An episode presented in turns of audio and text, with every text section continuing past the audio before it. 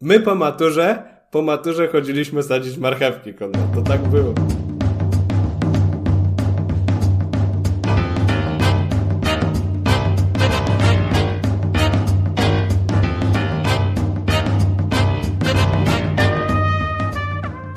przykład jeśli chodzi o branie le leków, to, to na jodę nie działają takie sposoby, że tam tabletkę w parówkę, bo weźmie i tak zje, że wypluje tą tabletkę, a parówkę połknie.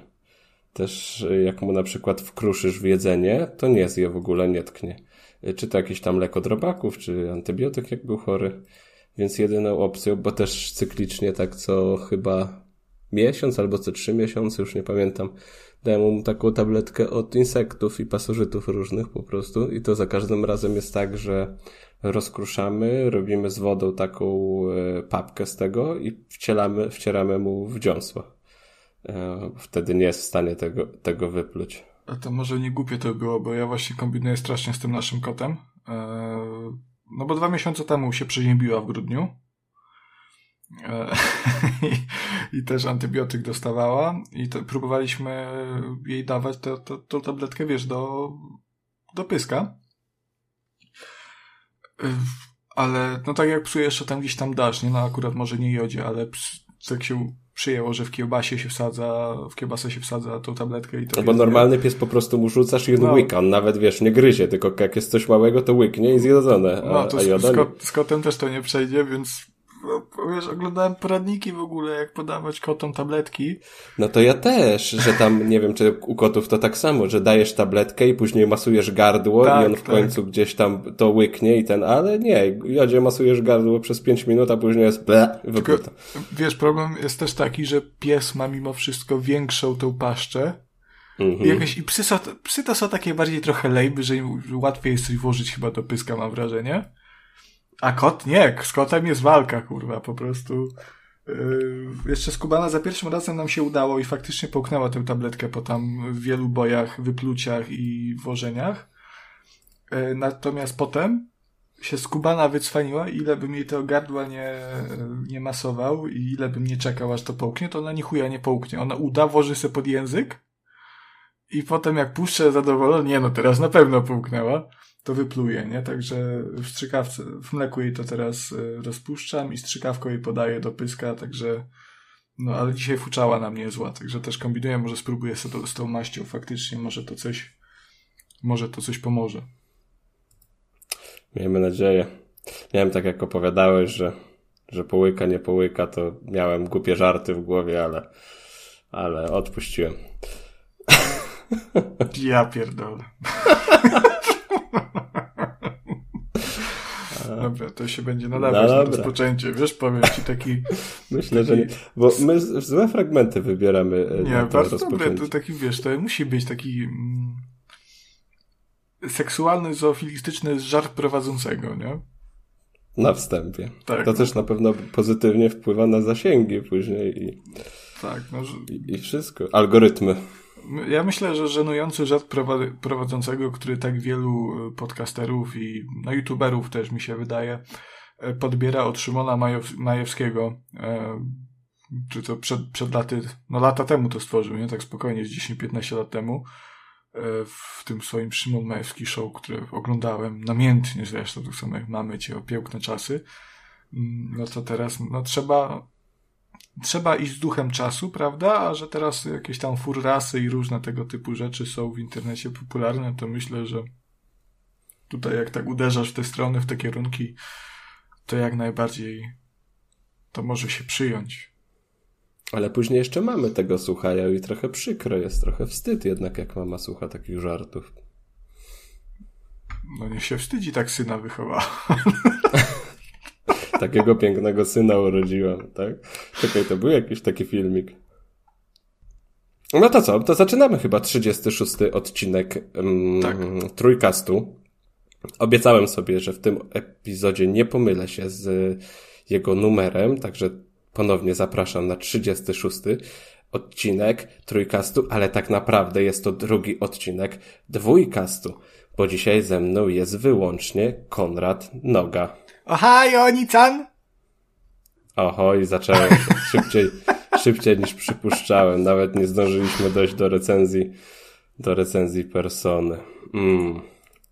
No nic. Spoiler. No dobrze. Miała być niespodzianka, oprócz... ale nie. Oho, chyba będziemy musieli zacząć wstęp od nowa, bo Joda się aktywował i podejrzewam, że wszystko nam zepsuje. Nie, może te. Spokojnie. A ty go słyszysz, co się teraz dzieje? Coś tam słyszałem, ale jakoś tak bardzo. No, jest, jest grubo. Mam nadzieję, że to nie są um, po, powiązane z po prostu sąsiedztwem. Wiesz co, ja podejdę i wyjdę, bo e, różne rzeczy się dzieją.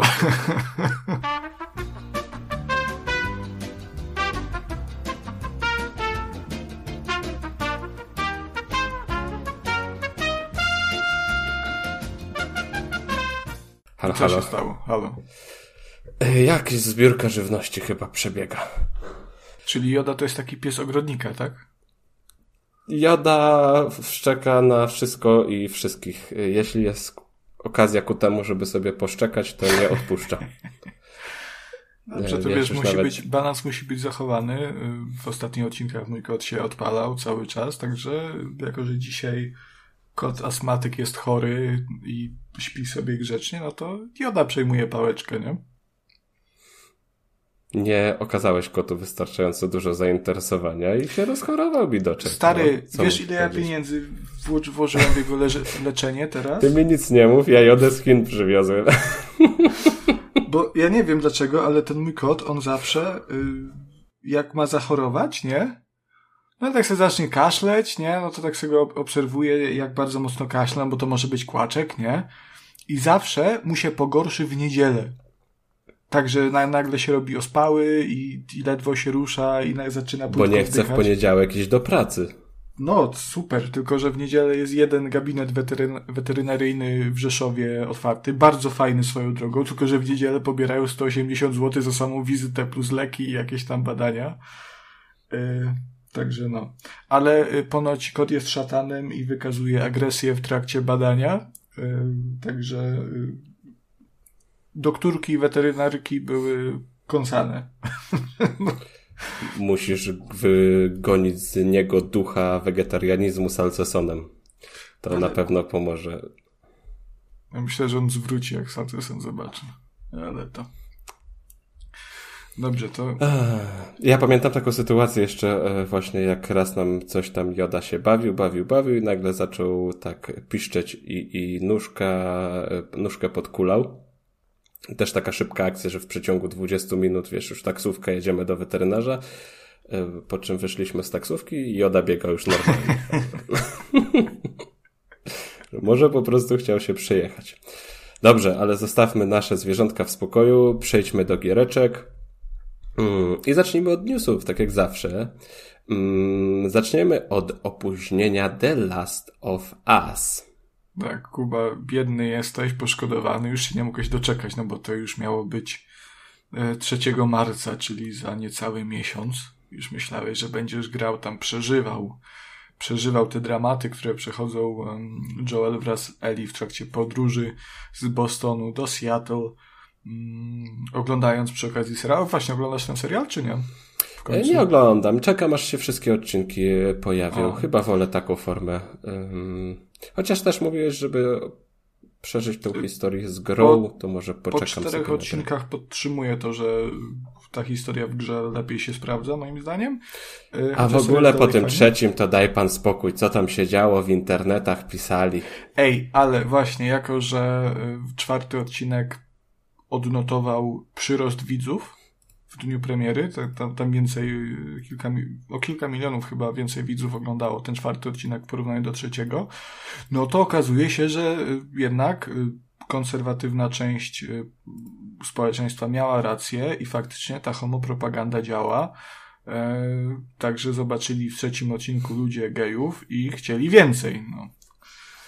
No widzisz, to, to, no to... Się, to się rozczarują w czwartym odcinku.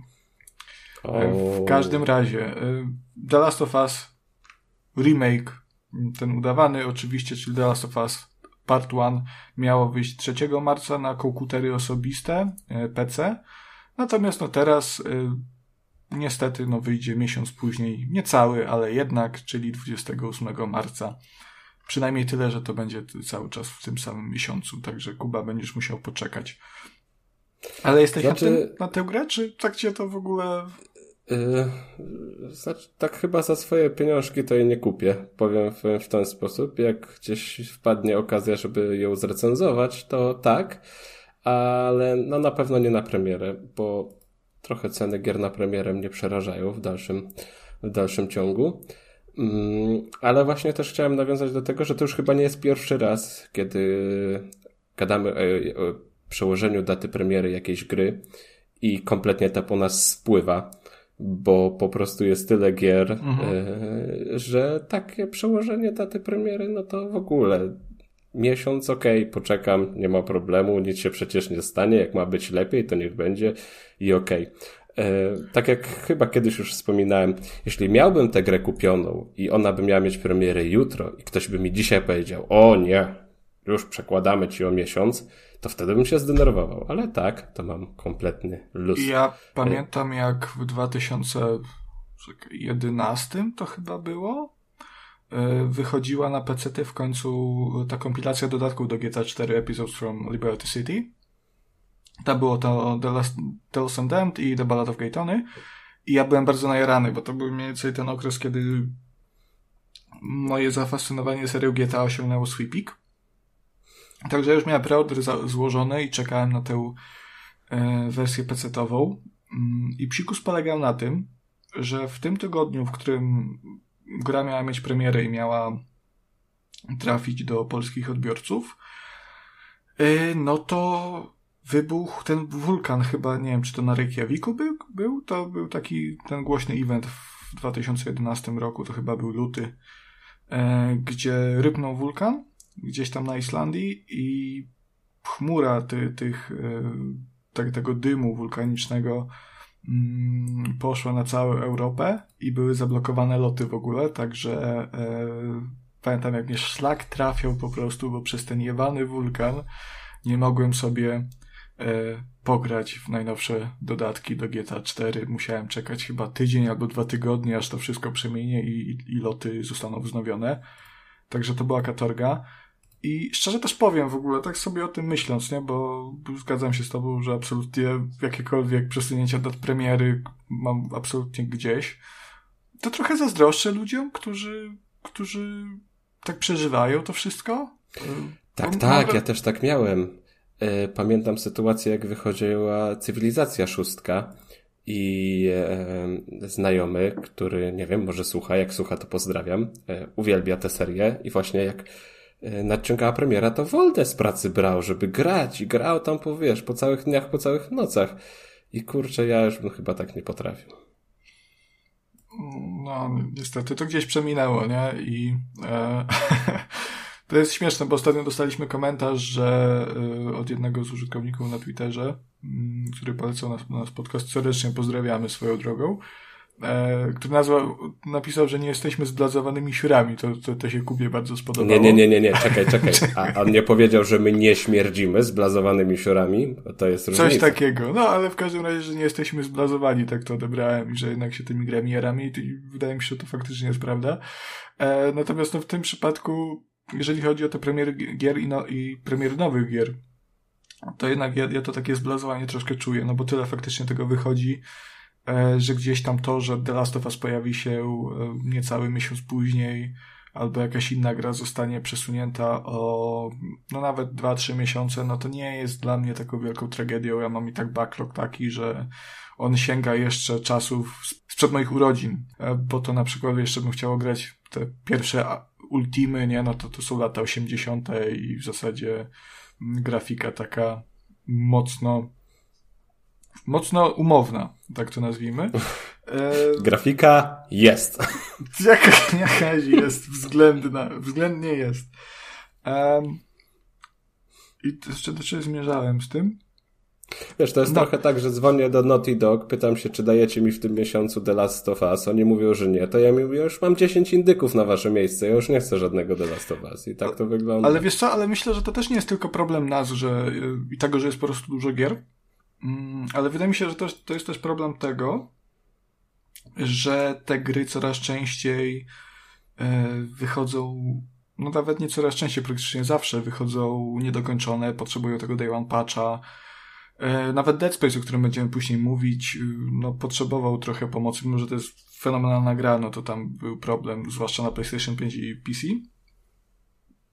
Także właśnie ta poprzednia generacja Xbox One i PlayStation 4 jedną z takich najgorszych rzeczy, które ona wprowadziła do giereczkowa, to jest właśnie to, że mm, pojawił się te Day One patche, które tam na, w sumie to Xbox pchał, mi się wydaje, bo to było takie nawiązanie, tak mi się wydaje, y, do nazwy konsoli, tak przynajmniej tak było z tymi edycjami Day One Edition. No i cóż, no wychodzą nieskończone, także to, że zostanie przesunięta o kilka miesięcy czy o miesiąc, no to ja to odbieram jak najbardziej na plus. No, zadbają o to, żeby działała, nie? A wskoczyły ci trochę wskaźniki, jeśli chodzi o hype na Hogwarts Legacy po pierwszych recenzjach, jak zobaczyłeś, że tam dziewiątki i dziesiątki? Mm, nie. Znaczy ja Hogwarts Legacy nie byłem w ogóle jakoś tak zbyt mocno zajarany, bo znów Harrym Potterem jarałem się bardzo mocno w podstawówce. Natomiast po paru lat paru ładnych lat jakoś to, ten świat nie budzi we mnie większych emocji. No, oglądałem te filmy z tymi zwierzakami magicznymi, ale, ale to jakoś tak nie. Ja nie jestem z tych właśnie hogwartowych. Mam kolegę, który wraz ze współmałżonką pozdrawiam Państwo Pataju swoją drogą też. Oni są, są bardzo takimi, zwłaszcza, zwłaszcza wspomniana współmałżonka, są, są bardzo mocnymi firkami Harry'ego Pottera Zresztą sporo moich znajomych z pracy. E, I oni to mają figurki, te książki i oni się tym jarają, nie? A ja no jestem tak, no okej, okay, spoko, lubię, ale, ale jakoś tak bez rewelacji. Ty już dorosłeś po prostu. Ha, ha, ha, ha, ha, ha. Albo, albo, nie jestem, albo nie jestem homofobem, nie? Tam, wiesz, bo to transfobem, Bojkotujesz, bojkotujesz po prostu. Dobrze, a powiedz mi... Tytuł. Tak, słucham. Czy jako wielki fan serii czekasz na Dragon Age Dreadwolf? Czekałem. Czekałeś. Tak, bo wyciągł do sieci yy, kawałek gameplayu i pewnie też miałeś takie oho. Oho, no. Oho. Oj, oj, oj.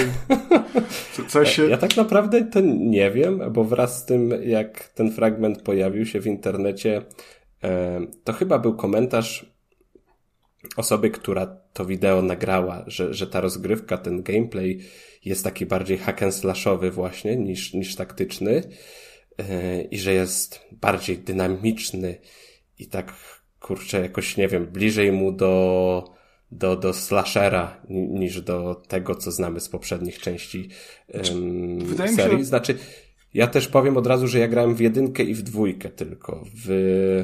Yy, Inkwizycja. I w Inkwizycję. W Inkwizycję nie grałem, ale też właśnie słyszałem, że ten Dreadwolf trochę wygląda jak Inkwizycja. Nie wiem, to prawda jest? Ja wiem. To jest to, co patrzę, tak znaczy... Ogólnie wydaje mi się, że Dragon Age jako seria troszkę ma problem z własną tożsamością, bo tam co gra, co gra to jest inna. takim faktycznym, tym tak, taktycznym, klasycznym RPG to była jedynka, nie? No bo to już był ten na PC ten rzut izometryczny, e, mocne nastawienie na walkę z, z aktywną pauzą. Natomiast już później, e, zwłaszcza na konsolach, dwójka była takim. Coś tam taktyki było, ale bardziej było takie slasherkowate. Inkwizycja to już w ogóle poszła w takim też bardziej akcyjnym kierunku w stylu troszkę. No, Wtedy może nie, ale no teraz by tak można było powiedzieć, że troszkę w takim stylu Wiedźmina, nie? No, czyli tam biegamy po tym otwartym świecie, robimy questy, walczymy z potworkami, nie było to tak, tak e, ładnie zrobione. E, zresztą, zresztą Inkwizycja była nazywana singlowym MMO prześmiewczo, e, bo faktycznie tak to troszkę wyglądało. E, no, no natomiast teraz to wygląda na to, że dostajemy, dostaniemy hack and slasha i, i z jednej strony nie wydaje mi się, żeby to było coś złego w samym sobie. Ta walka może faktycznie być bardziej nastawiona na akcję. E, natomiast, no, to nie musi, może być, to może być fajna gra, nie? To, to, to wciąż może być fajny RPG, no bo umówmy się, na przykład y, seria Mass Effect też przeszła między jedynką a dwójką, zwłaszcza taką drogę od y, w sumie RPG, w którym to strzelanie było mocno oparte na rzutach kością, e, do no tak, to strzelanki z RPGowej, nie? Także myślę, że tu może mogą iść w tym kierunku. Mm, tylko no też nie wiem, czy to jest coś, czego oczekiwałem, ale przyznam szczerze, że od, od paru ładnych lat e, ta mo moja podjarka Dragon Age'em ucichła, bo zmalała, bo, bo kiedyś po ukończeniu fizycji, tam parę lat temu, jarałem się strasznie, nie mogłem się doczekać kolejnej części, ale ona no nie chciała wyjść, no zresztą to już mija prawie 10 lat od poprzedniego Dragon Age'a, no to jest w ogóle jakaś... Już jakaś 10 masakra. lat? No tak, bo Inkwizycja wow. wyszła w, Inkwizycja wyszła w 2014 roku, na jesień, ale, ale wiesz, rocznikowo patrząc na same cyferki e, w dacie, no to no za rok będzie dziesięciolecie, nie? No to może na dziesięciolecie będzie premiera jakaś właśnie, czy coś. Bo się ładnie... e, Niech wyjdzie, jak będzie gotowe i będzie dobre i będzie przemyślane przede wszystkim. No, no. Ale ja patrzę na ten interfejs i to mi takim troszkę też mobilniakiem tutaj śmierdzi. Nie wiem dlaczego. Trochę takie... Hmm. Boję No, się. No Dragon, i też ma być ta Dragon Age różnica, że, nie miał jakichś dobrych tych interfejsów w moim odczuciu. że już mamy nie mieć w ogóle możliwości zarządzania drużyną. Znaczy tam będą jakieś komendy, ale wiesz, będzie jeden bohater Mhm. taki główny. To też ma być taka, taka zmiana. Jeżeli się No. grało na konsoli w Dragon Age, to grało się praktycznie jednym bohaterem. Tak naprawdę. To- to, to- jest moje doświadczenie z tymi grami, nie? Więc ja zawsze grałem głównym bohaterem. Znaczy, no wiesz, ci zawsze masz tego tak. ulubionego, tak? Który, z którym tam gdzieś spędzasz najwięcej czasu, e, nim dowodząc. Mm, No też, tak jak pamiętam, jedynka i dwójka, to na takim zwykłym poziomie trudności te gry nie były aż tak trudne, żeby wymagały tam, wiesz, Je, jedynka czas... trochę była. Przynajmniej dla mnie, bo ja nie jestem jakiś tam e, RPG-owym czy taktycznym wymiataczem, więc ja w te wszystkie gry dostaję mocno po dupie. Mm, Jedynka mi straszne problemy sprawiała momentami. Natomiast Bo to jeszcze po prostu młody byłeś, Konrad. To Nie, ja dalej tak. Nie, nie, nie, nie. Jak, jak, jak gra wymaga ode mnie czegoś więcej niż kliknąć na bohatera mojego i kliknąć mieczykiem na przeciwnika, to ja już się gubię. już gubię. Jakieś budowanie tak, taktyk czy różnych takich rzeczy to jest w ogóle nie moja bajka. Ja jestem, ja jestem prostym facetem, nie? Ja widzę, widzę wroga, to ja biję, nie? Ty walisz zaksa, ja walę z różdżki, jakoś to, Co? jakoś to będzie. Co w kontekście tego, że w ostatnim czasie w bardzo dużo JRPG-ów gram, które są de facto grami mocno taktycznymi, to e, no, no, bywa problematyczne. Dobra, już nie chcę wchodzić w ten temat JRPG-ów, ale A jeszcze wyjdziemy? E, Kuba? Nie, bój się. Znaczy, ja wiem, że jeszcze tam będziemy, tylko tak na szybko. Bo ja naprawdę nie pamiętam takiego e, JRPG-a. Kilka sprawdzałem, mniejszych, e, ale żeby to były aż tak wymagające gry od strony taktycznej, to, to jakoś nie. Znaczy, za, Ja, zależy jasne, kiedy, tam nie? są te zależności, ale to na ogół są na zasadzie, nie wiem, e, ogień, no nie wiem, na zasadzie Pokemonów, tak? Elektryczne ataki przeciwko wodnym, ogień JRPG mają to do siebie, że w początkowych fazach są zajebiście proste, żeby potem nagle, Nagle poziom trudności wskoczył o kilka leveli wyżej i były zajebiście wy wymagające. Nie? No, to, to opowiadałem parę odcinków temu o e, moich przygodach z Final Fantasy VII, więc tylko e, dorzucę, że to hodowanie kurczaków to nie było po to, że mi się podobało, podobało patrzenie, jak się kurczaki cimci rimci, tylko dlatego, że, że potrzebowałem sobie ułatwić walkę z ostatnim bossem, nie? Cóż za poświęcenie. No. A co tam się dzieje w tym e, Xboxie całym, w tym Microsoftie, bo coś tam e, kradną, zabierają graczom. Był, Własność. był, tak, był Microsoft y, nie dość, że próbuje monopolistycznych zagry... monopolistycz... Czy tak? Monopolistycznych, Monopo- dobrze ja to wymawiam? Monopolowych. Nie, no Monopol- chyba tak, monopolistycznych. No.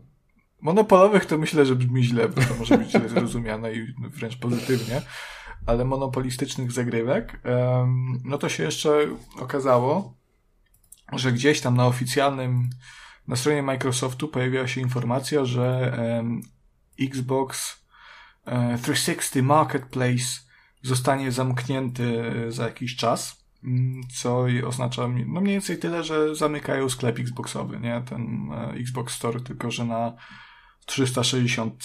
A, co a my nie zbiegło... rozmawialiśmy kiedyś o tym, a my nie rozmawialiśmy kiedyś o tym, że to już czas by było zrobić? E, prawdopodobnie przy, przy newsie o zamknięciu PS Store na PS3 i PSP i Wicie. Yy, Możliwe. Tylko to, to się w ogóle zbiegło w czasie z tym, że 7 lutego, czyli w momencie jak to nagrywamy, to dokładnie wczoraj, miał zosta miały zostać e, z, ze sklepu na Xboxie 360 usuniętych jakiś tam, nie wiem, 30-40 gier. Także, y, no, gracze zadrżeli, w tym ja, bo e, jednak e, ja lubię retro, a 360 już no, zakrawa podbycie retro. Zależ, zależnie od kogo się spyta. Mm, no i też umówmy się, no tak, to w ogóle wyobraź sobie, nie? Xbox 360 za dwa lata będzie miał 20 lat. To, to więcej jest, niż Kacper. To jest w ogóle, to jest w ogóle dla mnie szok, zarówno, że więcej e, niż Kacper, jak i to, że, że będzie miał 20 lat. No, dwa dziesięciolecia na rynku to jest straszny, straszny, straszny, e, strasznie długi okres czasu i tylko przypomina mi o tym, że starzeję się i już niedługo umrę. E, także ja rozumiem. A boisz że, się trochę? Że zamknął marketplace bardzo. Nie, że umrzesz. A, to już tam. Jeżeli nie zamkną marketplace'a, to mogę umierać, nie? Potem mogą zamykać, ale... e, także, no, mi się to nie podoba. Ja rozumiem, ja rozumiem de decyzję, no bo to jest już konsola z olbrzymim stażem, coraz mniej, o ile jeszcze jacykolwiek gracze w ogóle w to grają i na tym grają i korzystają z tego sklepu na 360, także no to rozumiem, że to nie jest lukr lukratywne i przyjdzie dzień, kiedy faktycznie to zamkną. E, ale nie podoba mi się to, bo e, no, lubię mieć dostęp do gier. Tam jest część gier, które można dostać tylko cyfrowo na 360. Istnieje szereg dodatków do gier ekskluzywnych na 360 na przykład, więc mm, jeżeli zamkną sklep i te dodatki znikną, one nie będą już w ogóle dostępne. Nie? No na przykład tak się stało z dodatkiem e, WRC do Forza Horizon pierwszej. I już gdzie, no nie ma szans, żeby to dostać, a to był ponoć bardzo fajny dodatek. Ehm, także no to by była niepowetowana strata i, to jest... Ale to wiesz jest... Hmm? Trochę tu dostrzegam e, taki, m, taką hipokryzję z mojej z strony, strony, czyli Microsoft. Z, z twojej? Ale Oho. znaczy nie, no hipokryzja to mocne słowo jest. To, to bardziej takie zastanawia mnie. Bo przed chwilą gadaliśmy o tym, że e, jak jest przesunięta premiera jakiejś gry, to mamy takie, a w ogóle przecież jest tyle gier do grania.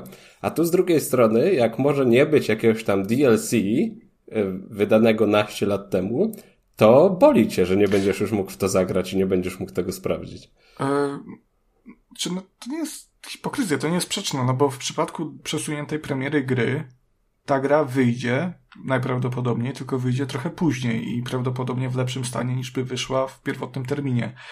E, problem z mm, tym, że... No ale jakby na przykład powiedzieli, że jednak to The Last of Us nie wyjdzie w ogóle na, na PC-ty, nagle by tak... No to lipa i też by mi się to nie podobało. No. Aha, nie podobałoby ci się, nie miałbyś takiego, a, dobra. Tylko no wiem, dostępne jest też na innych platformach i już gra, grane te, było. Też, i... to, to tak, nie?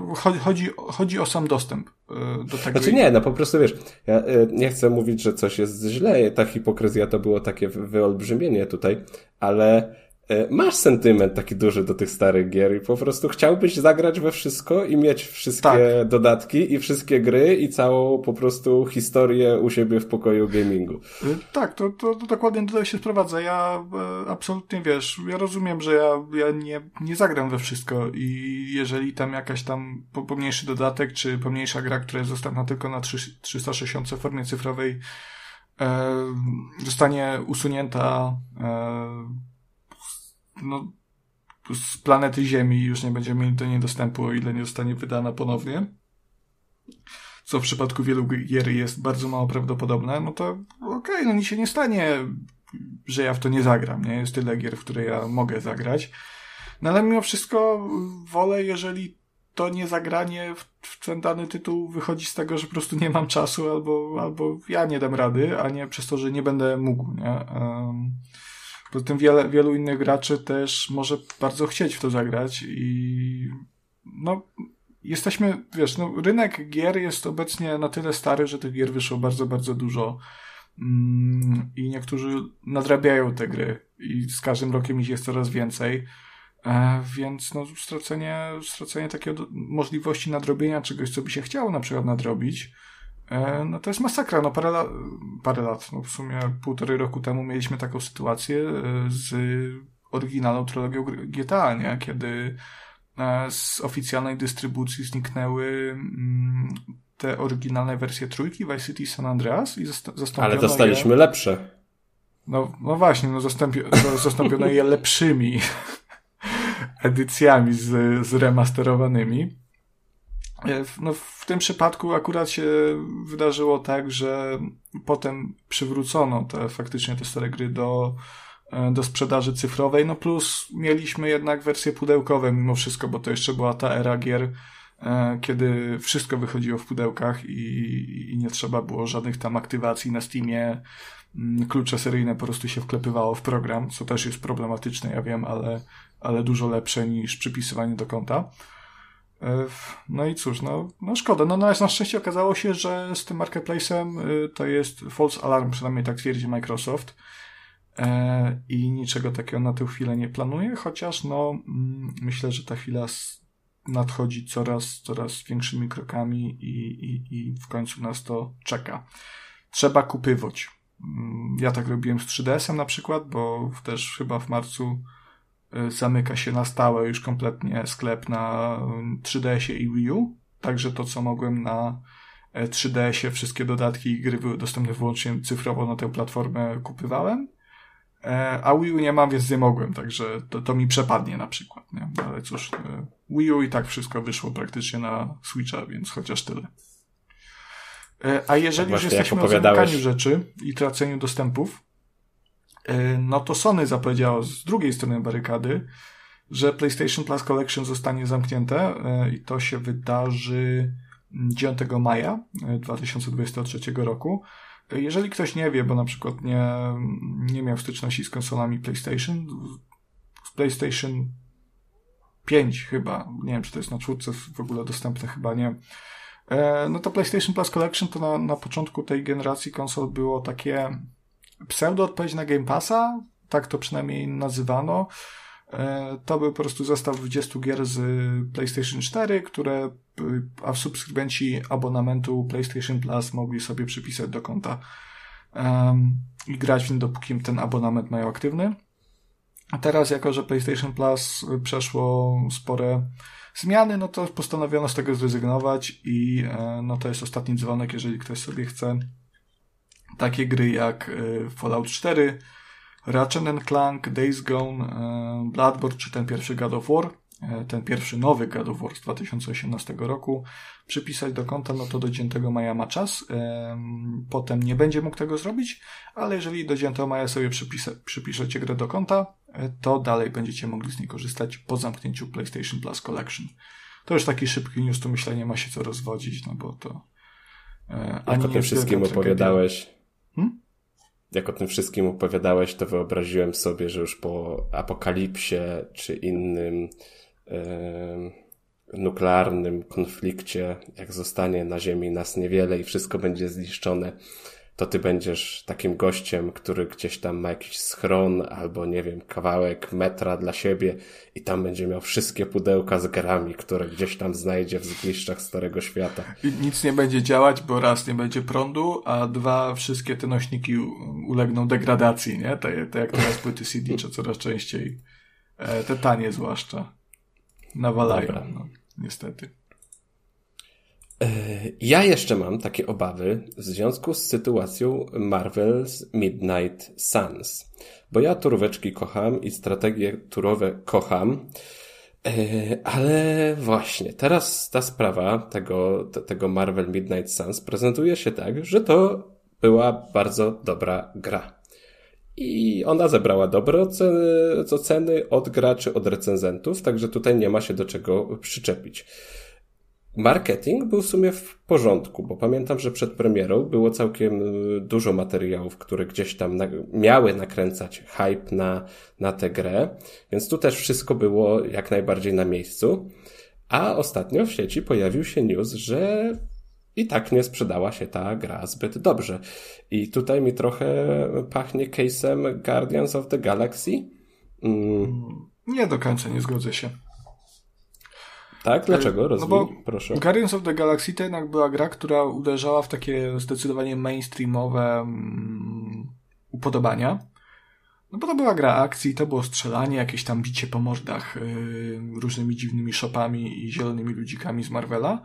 Natomiast e, Midnight Suns to wciąż u podstaw jest, no to jest Paradox, robił? E, Firaxis. No, Free Access, przepraszam. E, to jest gra Free Access, czyli to jest XCOM, czyli to jest e, no raz, że strategia, e, no gra taktyczna bardziej, nie? No powiedzmy, że to jest podgatunek strategii. A dwa, że to jest gra karciana z, z sobie z elementami trochę dating sima, z tego co słyszałem w recenzjach. Mm, no jeszcze także, właśnie nie grałem. Także to jest to jest nisza, no umówmy się, no karcianki i gry taktyczne to nie są wiesz, mainstreamowe. Zdawałoby się, że ci wszyscy super bohaterowie, którzy tam są, yy, przyciągną graczy do tego. No wiemy, jak popularny jest Marvel i co się dzieje, jak filmy Marvela wchodzą do, do kin. Yy, no ale tutaj się to nie udało. No ale jak, Kuba, jak filmy Marvela wchodzą do kino, to idziesz i patrzysz, jak się przez dwie i pół godziny leją po mordach. I to jest bardzo mało zazwyczaj. No a tu się leją po mordach przez 50 godzin, no to tak, ale, ale tutaj ty musisz się bawić, wiesz, w karciankę i y, taktycznie to rozgrywać, zamiast po prostu... A że myśleć w sensie. No. O to chodzi. To jest problemem dla, dla um, współczesnego e, odbiorcy. nie, no nie wiem, no szkoda mi tego Marvel's Midnight Suns, bo naprawdę narzekają na to, że ta gra się e, nie sprzedała no te wyniki są rozczarowujące. Teraz, ja znaczy też, wiesz, widzę jak oni próbują po prostu jakoś wypchnąć tę grę, a ta ciągle co chwilę wpada jakiś nowy trailer. Starali się coś tym nowym DLC z Deadpoolem zmienić. E, prezentują, pokazują, teraz nawet wypuścili demo, które można sobie ograć na mm, PlayStation 5 i Xboxie i nowym, tym Series SX więc y, tam jest chyba to, to, to, to będzie dwie godziny albo trzy godziny dostępu do gry w ramach tego demo, więc no może, może ktoś... Może to pomoże, tak, ale nie ma tego na PC. Wydaje mi się, że jednak PC-ty są takim głównym no. e, od, odbiorcą tej, tej gry. No tego nie ma jeszcze, no może będzie. Też w dalszej części tego chyba roku ma wyjść na, na starsze konsole, ale nie wiem, czy to coś zmieni. No kurczę, szkoda mi tego Midnight Suns. No słuchaj, no. no nie, nie, nie wiem, jakie oni Chociaż... sobie założyli, wiesz, yy, wytyczne, nie? Ile, ile Nie, no może tak, może, może wywalili tyle pieniędzy na licencję, żeby zrobić to na Marvelu, że, że po prostu się nie zwróciło, bo nie miało prawa się zwrócić. A ja też tak mówię, że mi szkoda, szkoda, a przecież nie kupiłem, to następny. no to słuchaj, lecisz że kupujesz, no co? Jak ci szkoda. Lecę i kupuję. No. Znaczy, e, ja nie jestem po prostu fanem Marvela i superbohaterów. Nie, nie, nie, nie, nie grzeje mnie to w ogóle. Tak?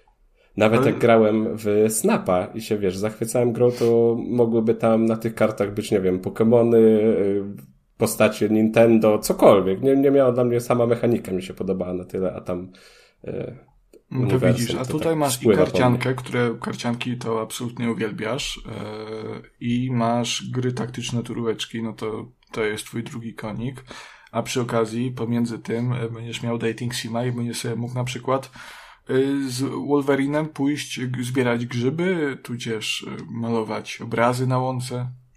A to bym nie musiał brać nożyka, jakbym z nim szedł, ale dobra. E, ciekawi mnie, czy lepiej by się sprzedała, jakby właśnie to nie była gra bazująca na Marvelu, tylko po prostu w jakimś innym, e, w eks, nie, wydaje, uniwersum. Wydaje mi się, że nie. Wydaje mi się, że y, sprzedałoby się tak samo, znaczy może troszkę gorzej, ale może byłoby większym sukcesem, wiesz, jeżeli chodzi o zwrot kosztów. Zwrot kosztów, no. Możliwe, możliwe. E, tak czy siak, a podejrzewam, że kto lubi turóweczki, ten o Marvel's Midnight Suns wie i grał albo planuje zagrać. Demko sobie można sprawdzić na konsolach, e, polecamy. E, słyszałem, że jakaś tam niespodzianka jest teraz. Ma się e, dziać tak, niespodzianka. Tak, Będzie to. Okazało się, że naczelny y, piłkarz i odbiorca lag Robert Lewandowski. Już wiem, co na to chodzi. No stwierdził, że zrobi w chuja Kacpra i y, dalej czekamy na football coach The Game. E, Kacper no już normalnie z tego co mówił sika po majtkach i, i obgryza paznokcie. Żeby tylko tam FC Monciaki zrobić że, sobie. Że, że możesz się doczekać, tak po prostu go o, trzęsie całego, a no niestety ta gra jakoś tak troszkę zaginęła w akcji i Playway wraz z Robertem Lewandowskim nie chcą jej wypuścić. No, ale może przynajmniej Kacpra pocieszy fakt, że y, do sieci trafił trailer nowej gry, mm, którą zapowiada Robert Lewandowski. E, znaczy Gra... w ogóle Robert jest chyba założycielem tego studia Goat Games. Goat Gomez to jest. Nie, czekaj, Goat Game. Nie, games. Dobra. Goat... Games z. Tak, gry online macie literówkę w newsie. Gra się nazywa Sports Renovations i ma to być taki w sumie symulator trochę. Ale właśnie miałem chyba... mówić, Konrad, to jest gra w twoich klimatach. Ja nie chcę, już nie jest, ja nie chcę. A, to A co, gra... wolisz japońszczyznę teraz, tak? Przerzuciłeś się? Y, no ja teraz JRPG i te i dating simy z y, japońskimi licencjami. Ale zobacz, jak tutaj byś sobie mógł remontować. Konrad, to, to czyścić, sprzątać, budować. No dobra, no ale tam nie ma japońskich dziewczynek, nie? Ja tylko nie wiem, jakim cudem oni namówili Roberta, żeby on się w to wpakował. Bo nie wiem, chyba, że są bardzo niskie koszty produkcji tej gry i ona się faktycznie zwróci, nawet jak uda się sprzedać 10 albo 50 kopii, ale no jakoś nie widzę czekaj, czekaj, potencjału czekaj, biznesowego. Bo Goat Games to jest studio założone przez Roberta Lewandowskiego i Movie Games. Natomiast Movie Games to jest studio, które, które zrobiło między innymi Last From Beyond. O, to no. może to może coś tam będzie pokazywane. No, może będzie cimci na stadionie, to, to jednak jestem taki e, zachęcony, no bo sama gra główną mechaniką ma być e, robienie z niczego stadionów, nie? Czyli tu, na, tak jak sobie czytam. Na starych, takich starych, opuszczonych po prostu yy, na placówek renowacja, sportowych. Renowacja stadionów, ośrodków sportowych, prawda? E, także e, to mi śmierdzi takim trochę house flipperem może? No ale widzisz, House Flipper to był gigantyczny sukces jednak. To się świetnie sprzedawała ta gra. No bo to była dobra gra, no nie, nie każdy taki symulator jest, jest dobry. Train Station Renovation, e, dzielący zresztą słówko Renovation wraz z Sports Renovation od Lewandowskiego, e, już tak fajną grą nie było, bo grał bardzo zło, bardzo złą. E, także no, no nie wiem, osobiście zapowiedź jest taka, że w 2023 ma, ma ta gra wyjść. E, nie zdziwię się, jak y, Sports Renovations podzieli mm, los fenomenalnie, fenomenalnie zapowiadającego się tytułu, czyli e, Football Coach The Game. I po prostu nigdzie się, nigdy się nie ukaże, a za dwa lata Robert Lewandowski y, zapowie symulator kierowcy autobusu, który dowozi y, piłkarzy z lotniska na, e, na stadion. O, i teraz zdradziłeś pomysł na rewelacyjną grę. I kurczę, trzeba to będzie wyciąć z odcinka, bo, bo ktoś ukradnie. Playway jeżeli, przyjdzie jeżeli i ukradnie. Stworzyć taką grę, to spoko, nie mam z tym problemu, tylko tam w kredytach dorzućcie chłopaków trójkastu i będzie gitara. Wiesz, e, dla mnie trochę ten projekt wygląda jakby Robert przegrał po prostu jakiś zakład i, i musiał to zrobić w ramach przegranego zakładu. Bo ja też nie wiem, może to jest ze mną coś nie tak.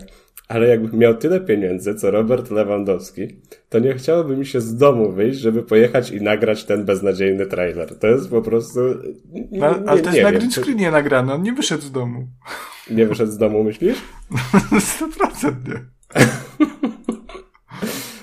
Nie ma szans. No może i tak, w sumie tak wygląda. Znaczy, ale to sumie... musiał wstać, koszulkę Ej, ale... musiał to nałożyć. No. Ale wiesz co? Ale jak Konrad, ale umówmy się, jakbyś miał, nie wiem, jakbyś miał No powiedzmy tak, zaokrąglimy w dół. Jakbyś miał 100 milionów dolarów na koncie teraz, to ubrałbyś taką koszulkę? Czy, wiesz co, ja oglądam ten trailer i on w tej koszulce stoi na tle po prostu jakichś takich ścian z cegieł, wiesz, w ogóle nie, nie otynkowanych ani nic. Zaprawa plus cegły, nie? Takie czerwone, chamskie. Może, może go porwali po prostu i może go zmusili do tego. Czekaj, jeszcze się przyglądam. Nie, no ma wszystkie palce, ma wszystkie palce. Myślałem, że może jednego mu obcięli. Ale nie widać stóp. A, możliwe. A u niego w sumie stopy ważniejsze, to może stopami go szantażowali. No właśnie. No nie wiem, nie wiem. Podziwiam za, za, za tę... Um, um. Ja w ogóle jestem ciekaw, bo zakładam, że zatrudnienie Roberta Lewandowskiego do promocji swojej gry, bo umówmy się, jeżeli przy Football Coach The Game e, Robert Lewandowski coś jeszcze mógł robić, nie, tam powiedzmy coś o taktyce, o tym jak wygląda coachowanie, e, opowiedzieć, to w przypadku restaur odrestaurowywania obiektów sportowych, to co myślę, że Robert Lewandowski średnim jest specjalistą. Nic nie robi, nie? To, to, znaczy, to, też jest nazwiskiem.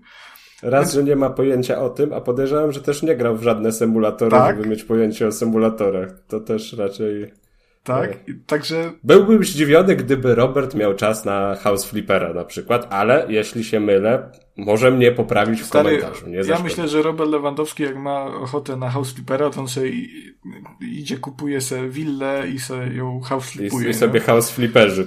Tak. Robi se... larpuje, tak, nie?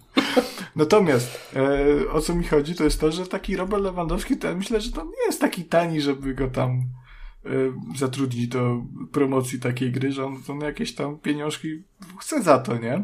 No ale patrz, I... to jest jego gra, jego studio, jego gra, czyli on yy, A, bo to założył to, żeby zarobić Wiesz, to nie jest tak, żeby, że, że jemu ktoś zapłacił za reklamę, tylko on dopiero na tym będzie zarabiał. Tak, a, my, a myślisz, że nie mogli mu zapłacić za to, żeby mówił, że no tak, tak, to ja też założyłem to studio, to jest moje studio? E, mogli, jak najbardziej mogli. Albo ja myślę, ja, ja myślę że to wyszło bardziej od, od, od chłopaków z Movie Games, od ekipy z Movie Games. A może to jest po prostu jakaś pralnia pieniędzy, bo też nie wiem, może tak być, że w jakiś sprytny sposób się ucieka od podatku? Ja nie wiem. Ja nie wiem, ja, ja myślę, że to, nie, nie, ma szans, żeby to się zwróciło, jeżeli w tym bierze udział Robert, Lewandowski. Nie to, że on przynosi pecha, czy że nie potrafi e, w biznes e, i robienie gier, tylko to, że jeżeli mu zapłacili za to, no to myślę, że to były takie pieniądze, że kolejny symulator, na które e, no jednak taka ich popularność przemija, nie? E, no to, że to się może nie zwrócić po prostu. Zobaczymy, zobaczymy. Zobaczymy. Mam nadzieję, że się mylę i, i Movie Games, czy też Gold Games, jak teraz też się nazywają, e, zarobią krocie na tym, no bo nie życzę im źle, nie? Ale no tak będąc takim realistą, to, no to może być, no tak średnio bym powiedział, tak średnio. Dobra, to ja jeszcze tylko na koniec dorzucę takiego szybkiego newsika, e, który może zainteresować wiele osób. Darkest Dungeon 2 opuści Early Access 8 maja i gra będzie dostępna w wersji 1.0. E, no po sukcesie jedynki, dwójka wydaje się, że zrobi jeszcze większą furorę i na pewno wszyscy czekają. Myślę, że warto. Mm, też chyba teraz w ramach tego Games Next Fest na, na Steam dostępne jest demko, także sobie można zagrać, sprawdzić i, i zobaczyć, czy się czeka trochę, czy się czeka bardzo. No i ostatnia rzecz, która wymaga tutaj omówienia w naszej sekcji newsowej, to jest nasza licytacja, którą w tym roku również zorganizowaliśmy w ramach 31 finału wielkiej orkiestry świątecznej pomocy. Mam nadzieję, że nie przekręciłem, przekręciłem tutaj nazwy. Mm, także wystawiliśmy, tak samo jak w ubiegłym roku, występ w naszym odcinku, w odcinku podcastu na WOŚP. Czy, czy to można no powiedzieć, że i... się sprzedaliśmy? E, tak, sprzedaliśmy się, ale w szczytnym celu, prawda? E, miejmy nadzieję, Zależy że... kogo spytać. No wiadomo, wiadomo, co tam Ziurek z tymi pieniędzmi zrobi. E, pójdzie na, na narkomanów, wyda na ten cały Woodstock Powiem ci, tak to będzie. Mm, daj spokój, szkoda, no, szkoda ja szczęki się ryje. Ja wkurwię się Tak. tylko.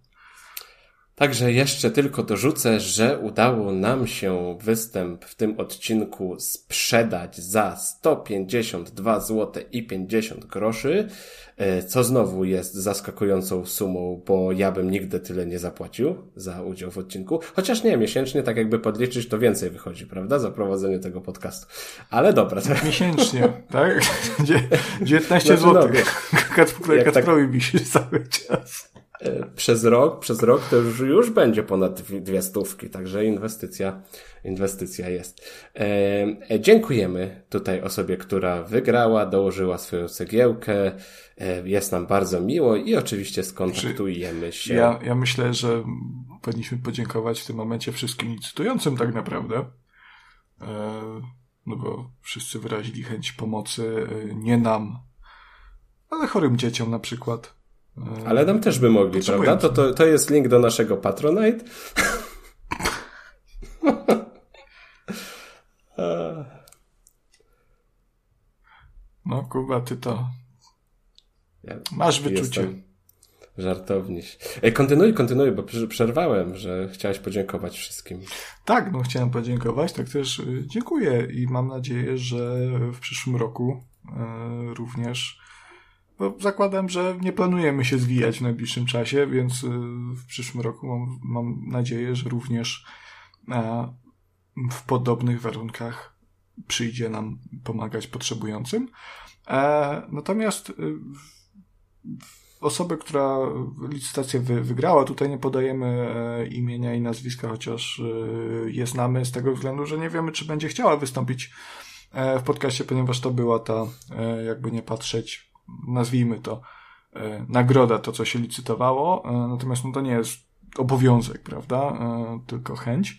Mm, Dlatego nie zdradzamy imienia, jeżeli, ale, ale ta osoba, jeżeli będzie tylko chętna, wydaje mi się, że będziecie mogli usłyszeć w którymś z nadchodzących odcinków. W sumie szczerze przyznam, że już się nie mogę doczekać tego odcinka. Ubiegłoroczny poszedł bardzo fajnie z Wojtkiem. Pozdrawiamy. Tak, Mm, tak. Także było, było, było super. Dobra, no to przejdźmy jeszcze do indyczków. E, Dwa ciekawe indyczki, które w najbliższym czasie pojawią się na rynku. Powiedz mi, Konrad, czy masz jakiś plan na nadciągające walentynki? E, Do spa miałem jechać z żoną. Do tego słynnego spa lubelskiego? Macie w, w Lublinie jakieś spa? Nie wiem, ale chciałeś do Lublina przyjechać, to myślałem, Ty że mnie tu jest zapraszałeś na piwo, ale, ale ja mam jest właśnie taki mam problem, że albo w spa, albo piwo. E, A żonie już poobiecałem i, i też by mi się przydało w sumie takie wytchnięcie. A to jest taka Ale- droga zabawa, ci powiem. No a Dajcie pewnie jeszcze takie walentynki dużo osób ma taki sam pomysł jak ty, więc was tak fajnie tam upchają w tym błotku. Ej, w ogóle, znaczy ja mam 18 dopiero urlop, znaczy wolne dni, nie weekend, żeby pojechać gdziekolwiek. Ale problem jest taki w ogóle, że wyobraź sobie, ja patrzę na te wszystkie oferty tych spa, tam oferują kąpiel w piwie. I to jest jakieś, jakieś nienormalne, no ja bym to... A pytałeś jakie to jest wypić. piwo? Czy to jest kraftowe, czy jednak Tatra? Bo to też różnica. Co nie ma dla mnie różnicy, ale mnie interesuje, czy y, czy to jak to piwo będę mógł wypić, zamiast się w nim wykąpać, albo w trakcie kąpieli będę mógł je pić. To troszkę, to jest, wiesz, już- wiesz co, już- to jest trochę jak picie wody po parówkach. Robienie herbaty, nie? Soboty. Niby da się? Ładnie pachnie, trochę szkoda. Wszystko naturalne, kupa. Ojej. Uff. A miałeś już kiedyś okazję być w spa? E, miałem, natomiast to było takie nie tyle spa-spa, tylko e, byliśmy pod czekaj, pod Krosnem. E, tam jest taki dwór Kombornia, bardzo fajny. Ale tam żeśmy głównie na, na basenie w jakiejś takiej solankowej mm, jaskini, w saunie, żeśmy siedzieli, a nie w takim spa-spa, że tam były kąpiele błotne, kąpiele w piwie, jakieś masaże, a właśnie takie coś by mi się przydało, bo jednak ostatnio czuję się taki zmęczony i życiem i wszystkimi takimi ciężarami życia doczesnego, więc, więc myślę, że to by mnie tak troszkę zrewe, zrewitalizowało. Swoją drogą tak się zastanawiam, czy jakbym się zapytał ich po, po tej kąpieli, czy by mi to piwo przelali do butelek, to czy by się zgodzili, czy... Ale to byś musiał z takim karnistrem e, białym przyjść po spłynie, płynie do spryskiwaczy. nie, taką zgrzewkę butelek po harnasiach pustych. Oj. E, tak mi się jeszcze przypomniało a propos spa i takich zabiegów, że podczas którejś azjatyckiej wycieczki gdzieś było jakieś takie miejsce w stylu tak night market, coś takiego i tam z, jednych, z jednym z punktów właśnie były te takie, wiesz, małe rybki, co tam skórkę z...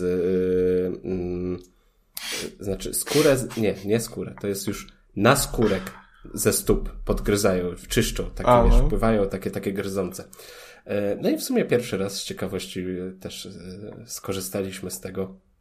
Średnio to było przyjemne, bo, bo no, łaskoczące. No bo to nie miałeś wskakiwać do pasa do wody. no nie ten na skórek miał. Nie ten na Jej. I to ja złe żarty rzucam.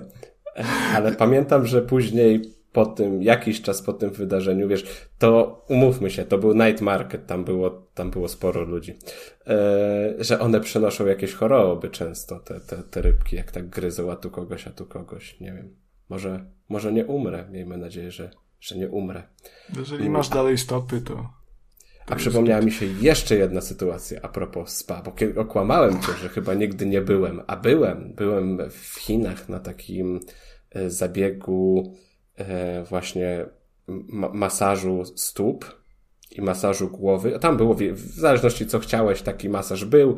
E, bez tego A, takiego słynnego masażu. Tego, tego nie było. Ale właśnie e, śmieszne, śmieszne było to, że na początku było moczenie stóp w takich jakichś drewnianych mm, wiadrach wielkich, takich kadziach to się chyba nazywa, nie wiem, może zmyślam. A później przychodził pan albo pani i ci te stopy od spodu brzytwą e, czyścili. I to było, e, to było szalone. Ja, ja myślę, że ty musisz trochę zadbać o swoją higienę. że aż musieli to robić brzytwą? ja myślę, że to nie była taka standardowa usługa.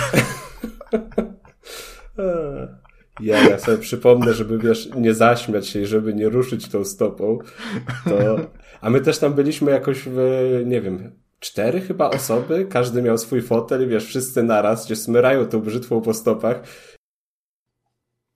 To, to, jest, to jest tak, jak jest ten e, urywek, e, czy tam gif, jak Cejrowski sobie stopy e, tarką do no taką, no tarką sobie, sobie trze, nie?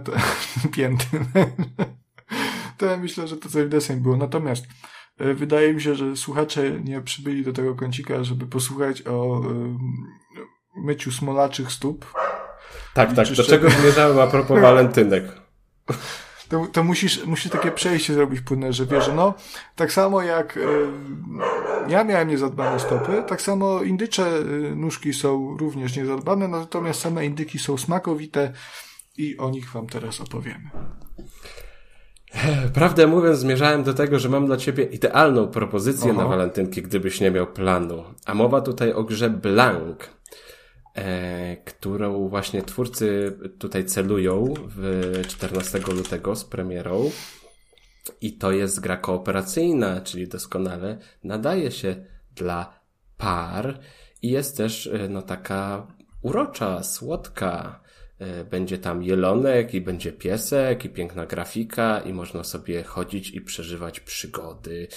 E, także jak najbardziej, jeżeli ktoś szuka alternatywy dla, nie wiem, wyjścia do restauracji zatłoczonej albo kina, to może po prostu e, kupić sobie blank i miło spędzić czas. Ale czekaj, czekaj teraz, bo jak wpisałem sobie blank, a to jest blank tak jak, jak z angielskiego pusty, czy blank jak z takiego z francuskiego, ja na przykład Benoit Blanc z eee, Z przez C na końcu. Tak, przez C na końcu. Dobra, bo wpisałem sobie blank przez K i mi wyskoczyło jakiś metafor... Czekaj, co to jest? Metaforyczne uniwersum Blank, trzecioosobowy puzzle platformer, więc to chyba nie... Średnio ci pasowało do opisu? Mhm. E, myślę, że o, jak zobaczysz Blank, to też się A, zakochasz. ja to kojarzę! Tak, ja widziałem trailer tego, to mi się super spodobało. Patrz, to nie jest piesek, to jest wilczątko. Ja przepraszam, a wil, wil to co to? No to jest piesek tylko dziki, no. Wilczątko i jelonko. Zwierzęta jest... zgubiły się w zaśnieżonej dziczy i muszą współpracować ze sobą, by wrócić do swych rodzin. A pewnie. Czy ty wiesz, czy to jest taka gra w stylu y, It Takes Two albo A Way Out, że w to trzeba grać we dwójkę, czy y, to jest takie bardziej, nie wiem, Unravel 2, że można i lepiej grać w dwójkę, ale da się w pojedynkę? Wiesz co, jak patrzę na kartę Steam, to nie widzę, żeby tu było zaznaczone, Aha. że dla jednego gracza jest sieciowa kooperacja albo kooperacja na wspólnym, dzielonym ekranie. Hmm. Ej, ale to w sumie tak. fajnie, bo bardzo mi się to podoba, bo to wygląda na taką grę, która nie będzie tak popierdolenie trudna dla e, nowych graczy jak It Takes Two. E, więc no, u mnie też jak graliśmy w It Takes Two, to kończyło się tak, że musiałem na niektórych etapach trochę pomagać. No, ja potem ciche dni były, nie? No wiadomo. sama zrobię, sama zrobię. Przecież umiem. No, także... u nas to jest urocze, bo, bo Madzia się strasznie stresuje grając.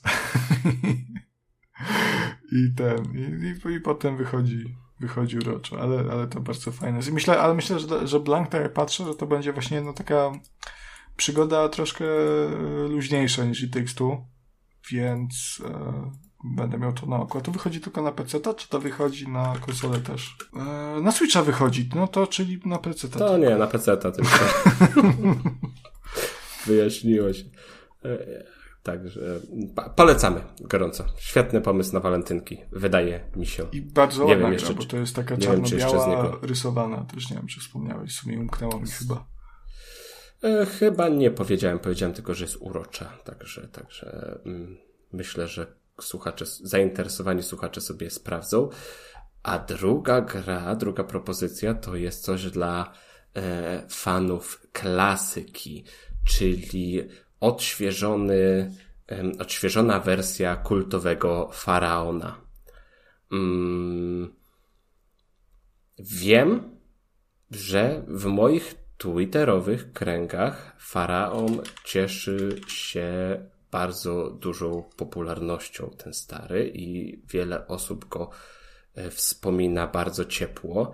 Ja pamiętam, że grałem, ale jakiegoś aż tak ogromnego sentymentu, żeby rzucić się na ten e, remake nie mam. Więc yy, Fajna tak. propozycja dla osób lubiących e, strategię i to takie bardziej chyba city buildery, bo ja mhm. pamiętam tę grę jako taką spokojną produkcję. Gdzie to jest ta, prostu... sama, ta sama seria co Cezar Trójka? E, tak mi się wydaje, że to były podobne, podobne gry. E, tam jeszcze coś jakiś, czekaj, czekaj, co, Zeus Bóg Olimpu, to tak, tak, nie tak, było tak, jeszcze w podobnych By... klimatach? Tak, tak mi się wydaje, że, że to taka Wiem, czy to są te same seria. studia, ale te, te gry właśnie ten, ten faraon, y, Cezar i Zeus, one mi się kompletnie zlewają w jedno praktycznie. To jest to dla mnie ta sama gra. E, bo to trochę tak jak te mm, lekcje historii w gimnazjum na początku roku y, i na początku, na początku podstawówki, na początku gimnazjum, na początku liceum zawsze zaczyna się od tych mitologii tam greckiej i e, rzymskiej, Egipcie i tak dalej, i tak dalej. To się tak troszkę tak tak, tak się no, Ale tak widzę, że to jest taki bardzo nie tyle, ja właśnie nie wiem jak to ująć, ale taki, taki lekki? Lekki remaster, ja bym to nazwał. Mhm. Twórcy używają słowa remake. Natomiast ja y, mimo wszystko tym słowem bym tak nie szafował, a nie wiem dokładnie jakie, jak duże zmiany tutaj będą, czy w samej rozgrywce, w mechanikach jakie zmiany będą, żeby to, to słowo remake tutaj um, mogło zostać użyte, więc okej, okay, powiedzmy, że nazwijmy, nazwijmy to odświeżeniem, ale ono nie jest takie, wiesz, takie takie pełne, pełne, że to jest wszystko nagle w trójwymiarze i ta grafika jest zupełnie nowa, tylko to właśnie wygląda jakby, jakby troszkę podbito jednak rozdzielczość, te tekstury narysowano od nowa, żeby były bardziej szczegółowe, bo to dalej jest wszystko w dwóch wymiarach z tego co widzę. I, i tak, tak, tak, tak, jak to... ta gra. Tak jak się zapamiętało tę grę. Z, mm-hmm. sprzed lat. Co no. się wielu osobom może spodobać, bo jak. Mi się podoba, ja, ja bardzo lubię tego typu rozwiązania jak najbardziej. Zwłaszcza, Znamy że, graczy i wiemy, że jak się zmienia za dużo, to jest Tak, zwłaszcza, że, że w tego typu grze, która jest raz, dwuwymiarowa od początku, a dwa, że jest e, mimo wszystko no, taki, takim city builderem, czy, czy no, taktyczną, strategiczną grą, e, no to taka, taka grafika nie, nie przeszkadza, ile jest czytelna, nie? A to jest największy problem w przypadku tych starych gier, gdzie na przykład jak Command Conquer, chociażby pierwszy, gdzie sama mechanika jest dalej bardzo spoko, choć yy, odczuwalnie troszkę przestarzała w, w wielu aspektach, a no, ta czytelność tej grafiki przez niską rozdzielczość jest utrudniona i, i po to te remastery są tak bardzo y, potrzebne. Także jeśli zagrywaliście się w Faraona te naście lat temu, to, to warto się zainteresować. Pharaoh A New Era, które pojawi się na PC-tach już 15 lutego. Swoją A... Steam twierdzi, że to jest gra podobna do Prison Architect, także... Niedaleko pada jabłko od jabłoni. Ja w ogóle lubię te rekomendacje z, z, Zawsze złoto. genialne, genialne są. Dobra, a jak jesteśmy już przy e, e, remasterach i remake'ach, to słyszałem, że grałeś w jeden dobry. E, ja powiem więcej, panie Jakubie kochany, ja grałem w fenomenalny, wręcz śmiałbym użyć stwierdzenia wybitny i to nie remaster, Niewątpliwie wybitny? Niewątpliwie wybitny. To niestety Cat Pressa mi tutaj nie ma, by te, tego terminu użyć w sposób właściwy. E, mowa jest oczywiście o um, bardzo świeżej premierze sprzed ile? Dwóch tygodni, na spokojnie. E, czyli e, Dead Space. Mm, kurz jeszcze nie po opadł prostu. w każdym tak, razie. Tak, kurz jeszcze nie opadł, dalej ludzie w to grają i ja się bardzo cieszę. Tutaj uwaga, to tytuł jest dalej Dead Space, to się nie zmieniło, nie ma tam żadnego Dead Space Remake, Dead Space Part 1, czy innych takich e, udziw udziwnień. To jest po prostu Dead Space i jest to mm, remake pierwszego Dead Space'a z 2008 roku, e, czyli kultowego survival horroru od... Um... Motive. Znaczy remake jest od Motive Studio, Aha, ale tak. oryginalny Dobra. Dead Space, o, Visceral Games, um, nieodżałowane, które zostało zamknięte przecież um, parę lat temu. Um, chyba po premierze Hardline'a, nie? Jakoś tak to było. I bardzo się cieszę, że ten Dead Space wyszedł. E, Ale właśnie, widzisz, ja już cały czas e, pamiętam te nasze dyskusje, tak. że on w ogóle nie jest potrzebny i po co? Przecież Dead Space dalej fajnie wygląda, po co nam ten remake, po co? Tak, po co nie i e, od tej kwestii zacząłem też swoją recenzję um, od, na, na pograne.eu, link w opisie, zapraszam do przeczytania. Samą, za samą grę oczywiście dziękujemy jej Polska.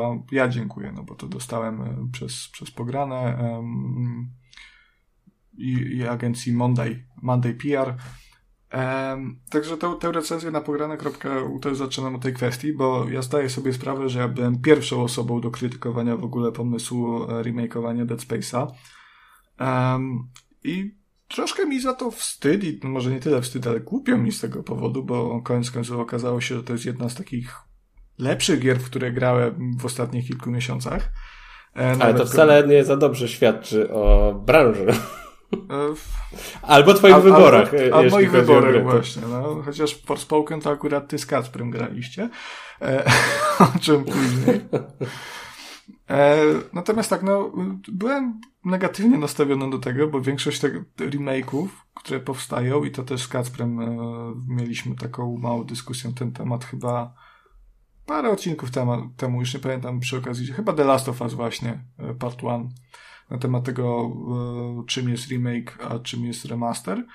Mm, I właśnie obawiałem się, że nowy Dead Space to będzie takie to będzie remake, ale to będzie tak naprawdę remaster, czyli tam się absolutnie nic nie zmieni poza ładniejszą grafiką i uważałem, że e, ten pierwszy Dead Space no jednak wygląda na tyle dobrze, że mm, w sumie no wolałbym czwórkę, nie? Niż, niż jakiś tam podrzędny remaster.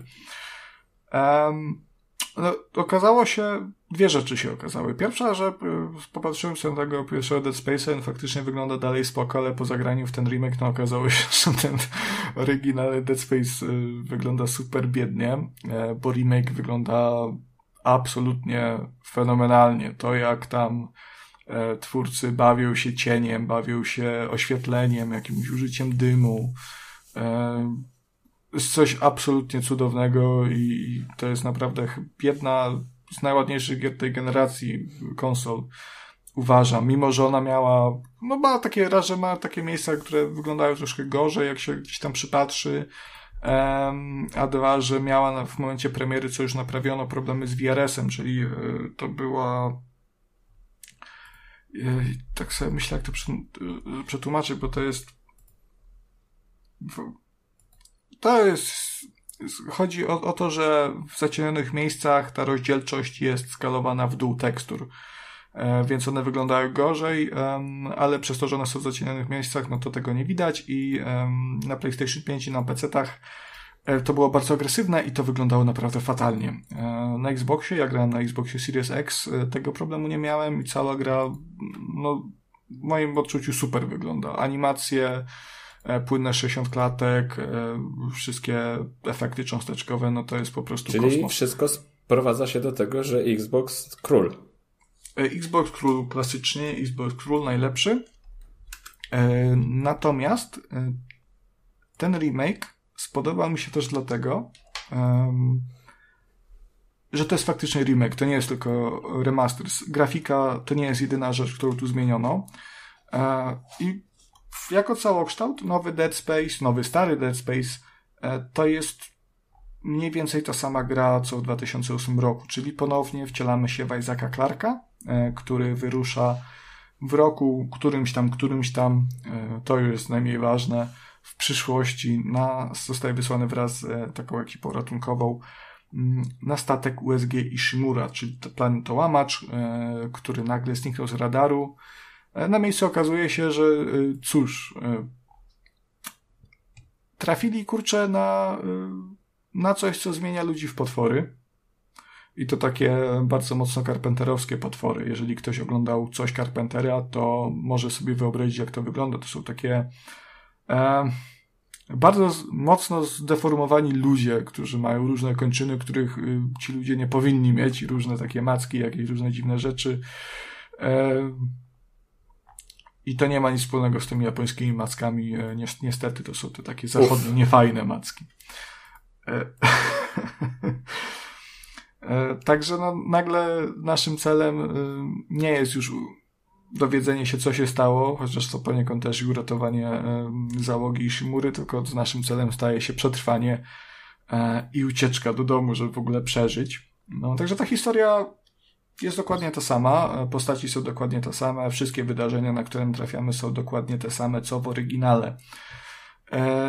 Natomiast, jako że to jest remake, to jest prawdziwy, a nie udawany remake, no to pozmieniano trochę mechanik, poprawiono trochę mechanik. Um, I tak na przykład sama rozgrywka znów to jest dokładnie to samo, czyli e, survival horror, e, bardzo mocno limitowana liczba zasobów, które mamy.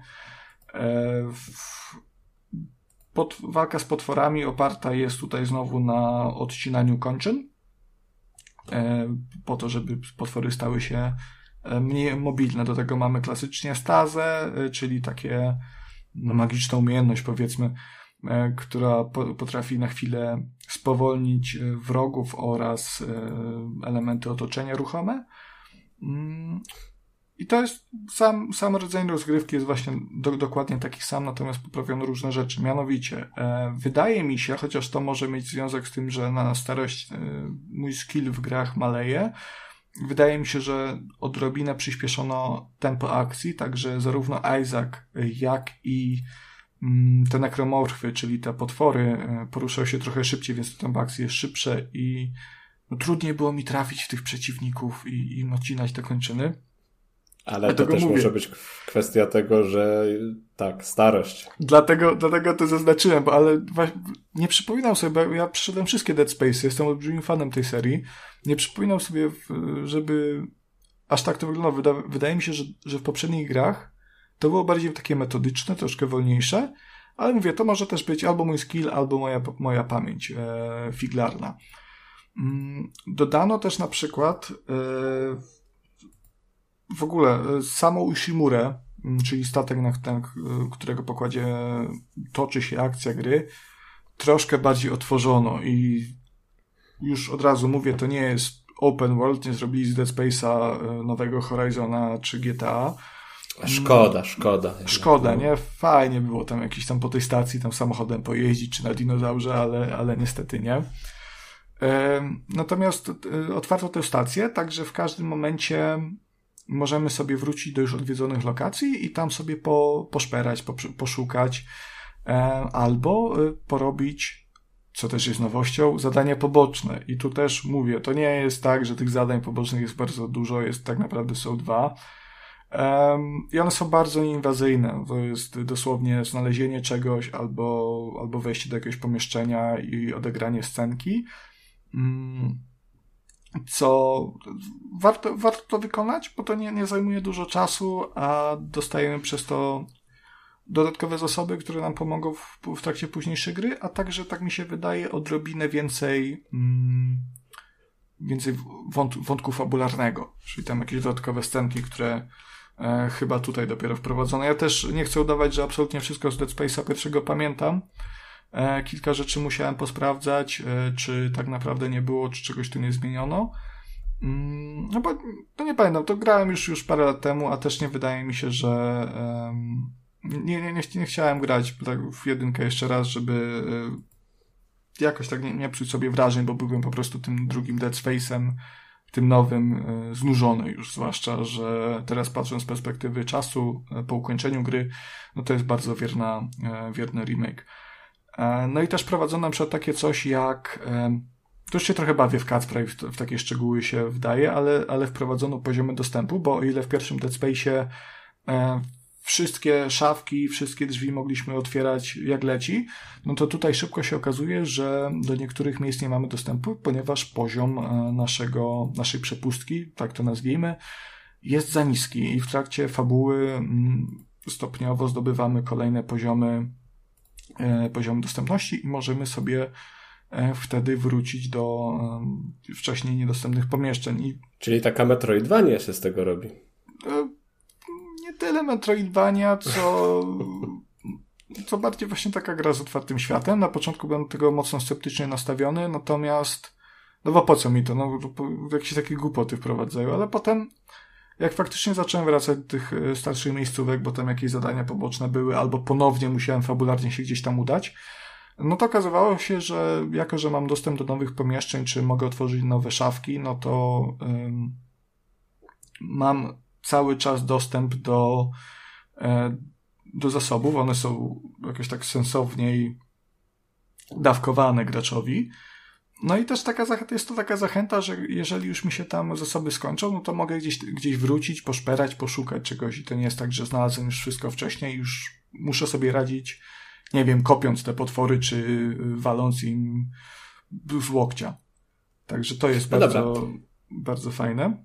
Ale jeszcze jedna rzecz, bo teraz może zmyślam, bo mówisz o tych zmianach najważniejszych, a jedną z tych najbardziej istotnych zmian to nie było to, że Isaac otrzymał głos w tym remake'u? Y, do tego zmieniałem, to chciałem przepnąć przez tą drobnicę. Aha, dobra. Y, I dwie takie najbardziej istotne zmiany w, y, zostawiłem sobie na koniec. Pierwsza to jest tak, Isaac w końcu dostał głos. Czy w końcu? W końcu w jedynce, no bo już, już Isaac jest, jest bohaterem mówiącym od dwójki, ale w jedynce był bohaterem niemym. I to jest właśnie jedna z tych rzeczy, które bardzo mocno wpływają na doświadczenie płynące z gry, bo mm, na cały scenariusz trzeba było przepisać, żeby uwzględnić to, że Isaac mówi. E, to już nie są wieczne wykłady, Isaac nie jest już takim e, kartonowym, kartonową wycinanką, e, która tylko słucha, co mu każą robić i potem to wykonuje, tylko faktycznie ma jakiś wkład w te rozmowy. I zrobiono to naprawdę fajnie. No, nowy dubbing, nowy scenariusz wypada naprawdę dobrze, jest znowu wierny oryginałowi, natomiast da, dodaje takiej świeżości temu wszystkiemu, a przy tym Isaac to nie jest nagle, nie stał się nagle postacią, która wiesz, która biega, zabija potwory i rzuca jakimiś tam nieśmiesznymi żartami, jak to no, mogło się tak skończyć, nie? Bo, Trochę bo, brzmi jak Forspoken, no dobra, nieważne. no właśnie nie jest tak z Forspoken na szczęście. E, Także tak, no ten scenariusz musieli przepisać, dostosować to do, no, do nowego bohatera i wypada to super. Drugą ważną zmianą i taką jedną z większych y, jest to, że przeprojektowano część walk z bossami. E, jedynka miała niesławne sekwencje e, z działkiem pokładowym, w którym w pierwszym momencie mieliśmy strzelać do e, nadciągających w naszym kierunku meteorów, żeby nie uderzały w statek co było raz, że trudne, a dwa, że wykonane po prostu słabo i przez to trudne. I potem ta sekwencja pojawiała się jeszcze raz w trakcie walki z bossem. I to już było łatwiejsze, ale te słabe. No i tutaj, e, jako że przeprojektowano tę pierwszą sekwencję i w ogóle tej mechaniki strzelania działkiem nie ma, ją zastąpiono w zasadzie nacelowywaniem działek automatycznych, co jest o niebo łatwiejsze i może nie zmienia w takim mm, zbyt wiele, ale, ale, ale wypada zdecydowanie lepiej. E, no to też tę walkę z bossem również prze, przeprojektowano. Wciąż nie jest to zbyt dobra walka z bossem, tak zresztą jak, jak, jak każda inna w Dead Space'ie. Um, no ale jest, jest lepiej. No, na szczęście Dead Space to nie jest gra, która, która jakoś stała tymi walkami z bossami, ich nie jest też dużo. E, a to, czym Dead Space stoi, czyli całym tym klimatem tego zaszczucia na tym statku ciągłego zagrożenia, no Dead Space wciąż robi to absolutnie fenomenalnie. I tak jak mówiłem, twórcy bawią się światłem, bawią się cieniem. E, te kolejne pomieszczenia spowite są w jakiejś tam mgle, w, w półmroku. Momentami naprawdę są fenomenalne sceny, kiedy widzimy, jak jeden z potworów gdzieś tam przemyka z jednego, z jednego korytarza w drugi, tylko widzimy zarysy mm, jego w tej mgle i wiemy, że oho, już tam się coś, coś na nas czai, będzie źle, a my nie mamy amunicji, no to troszkę potrafi puls przyspieszyć, zwłaszcza, że też udźwiękowienie jest fenomenalne. To no właśnie chciałem podpytać, tam...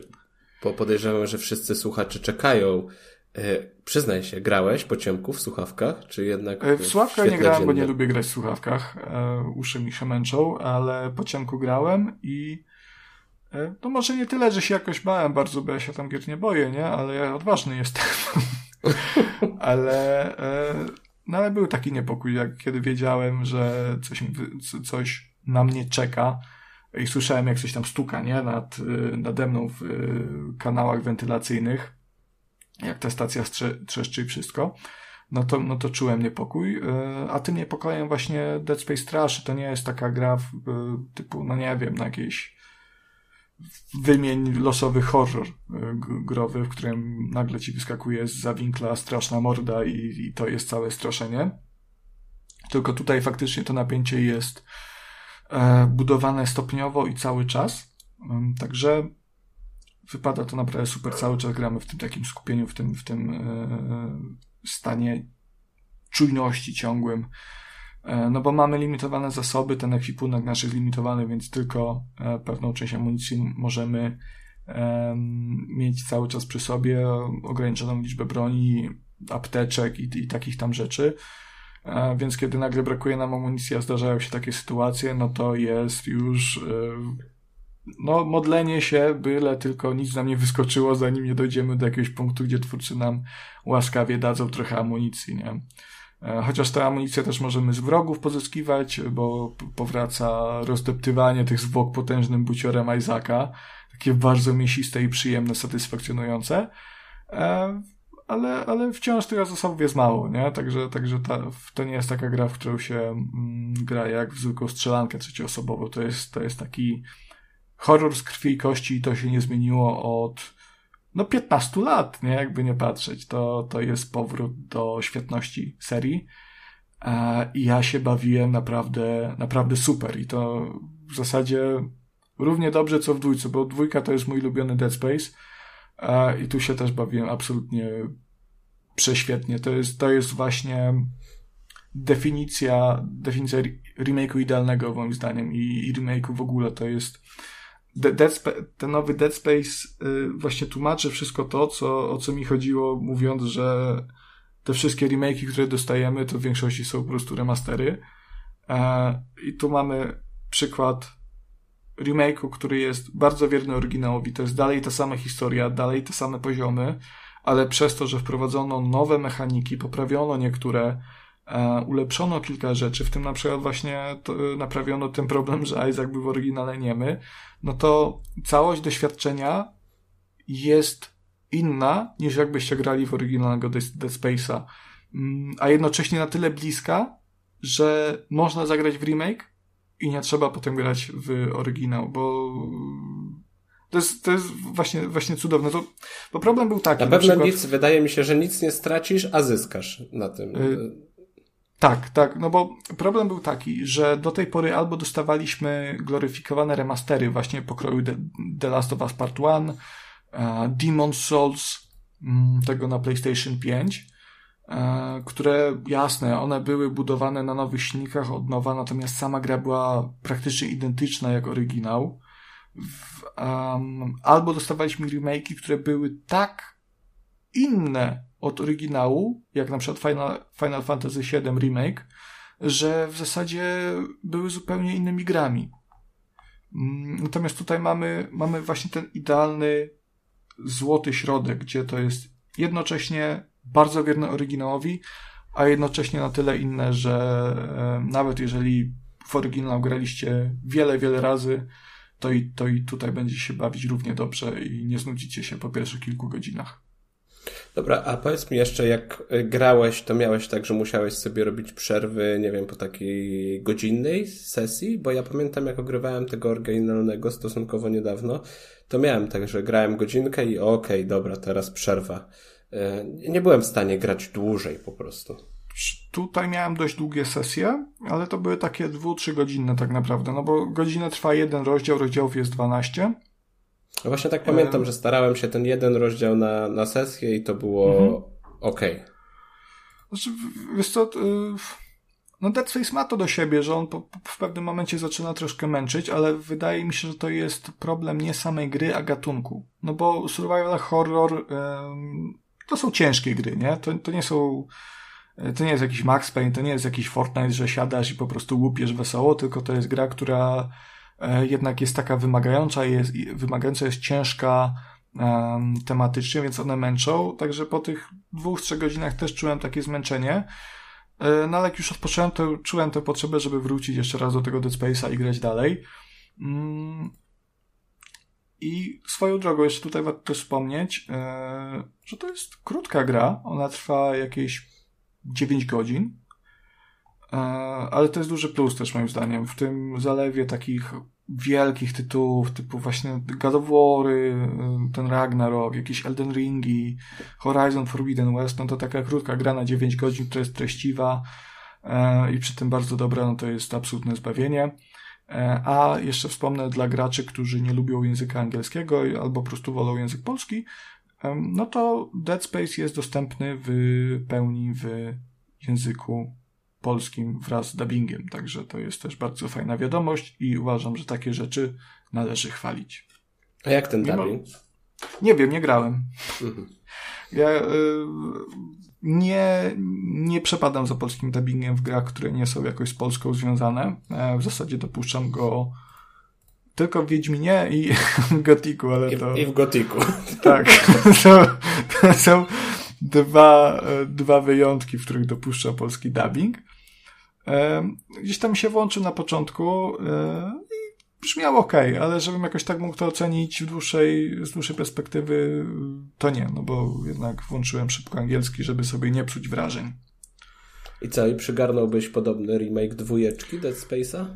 Eee, nie. Znaczy, okej, okay, jakby wyszedł spoko, nie? Ale wolałbym czwórkę po prostu, mimo wszystko. Mimo wszystko. Czyli wracamy do, do sedna, tak? Tak, no, jakby dalej nie uważam, że to jest potrzebne. Eee, mimo, mimo, że na początku tej recenzji mówiłem, że no, remake Dead Space'a trochę mnie zawstydził i mi wstyd, że tak mówiłem, że, że tego nie chcę. Eee, no ale w przypadku pomysłu na remake dwójki no nie chcę, no jakby wyszedł i byłby w podobnej jakości, to też bym się cieszył bym grał, ale, ale nie uważam, żeby było to coś potrzebnego, czy, czy, czy to, to niezbędnego. Się, no, niezbędnego. No, no lepiej, żeby wyszła kolejna część. Ja bardzo czekam na czwórkę, e, no bo Dead Space no jest zajebisty, no. No co ja powiem. Tak samo jak Forspoken?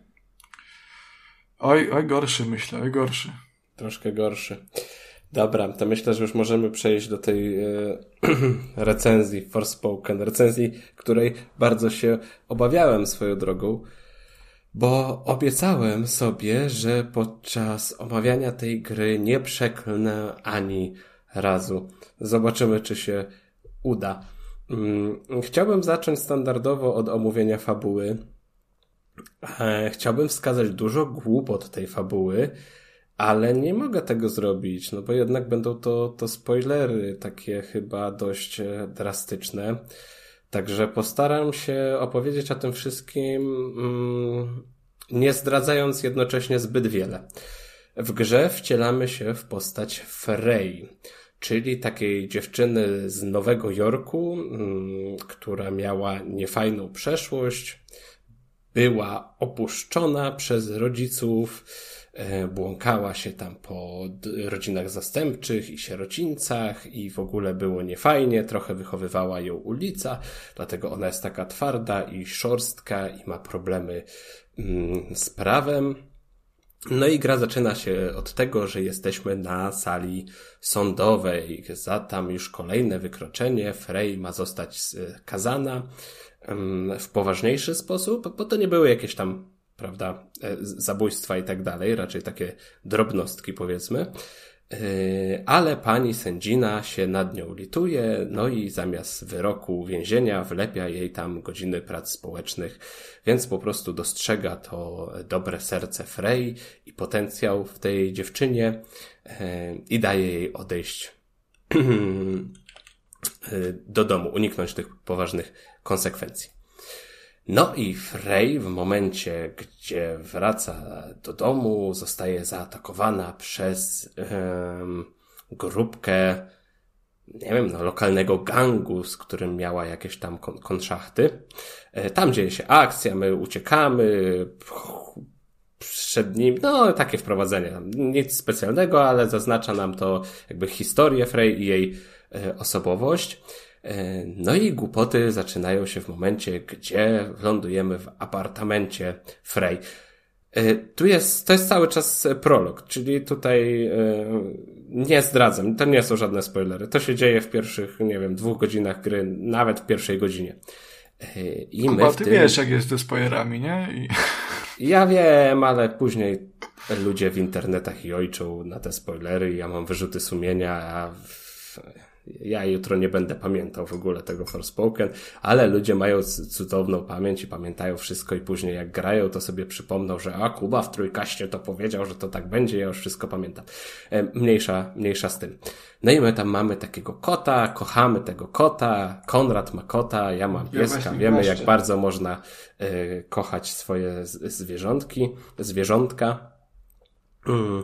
No ale jest taka scena, gdzie Frey ma przy sobie całą torbę taką sportową pieniędzy i jutro ma wyrwać się z tego swojego doczesnego życia, e, zabrać te pieniądze, uciec hen daleko w dobry świat i tam rozpocząć wszystko od nowa. I co się okazuje w nocy? Pożar jest, Konrad, pożar jest. I Frey budzi się, ta torba z pieniędzmi leży praktycznie w ogniu, ale ona myśli, na cholerę mi te pieniądze, gdzie jest kot? Bo przecież nie mogłaby wziąć pieniędzy i pójść po kota. Ona musiała pójść po kota i wziąć pieniądze. Przecież to, to jest takie, prawda, logiczne. Więcej roboty sobie. A może kot był w worku z pieniędzmi? No nie, no nie, bo kot się znalazł, ale jak się kot znalazł, to się okazało, że wejście do tego drugiego pomieszczenia już stoi w ogniu i wszystkie pieniądze przepadły, spaliły się. Więc Frey jest załamana, ląduje na ulicy i w ogóle jest dramat. Um, kota oddaje pani sędzinie, o której była wcześniej mowa, żeby się nim zaopiekowała, a sama mówi, że musi ułożyć sobie życie. I jak tak rozpacza nad swoją niedolą, to zauważa w opustoszałym mm, mieszkaniu taką piękną, złotą, błyszczącą e, bransoletę, no, wielkości przedramienia, tak? Myślę, że jeżeli oglądaliście jakieś materiały z Forspoken, to już wiecie, o co e, mniej więcej mm, mi chodzi.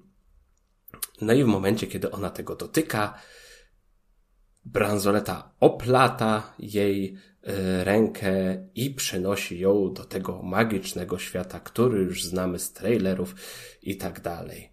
E, lądujemy w tym królestwie Ati, jeśli dobrze pamiętam, i tam zaczyna się właściwa przygoda, zaczyna się od walki ze smokiem, czyli już grubo. Okazuje się, że ta wspomniana bransoleta żyje, rozmawia do nich.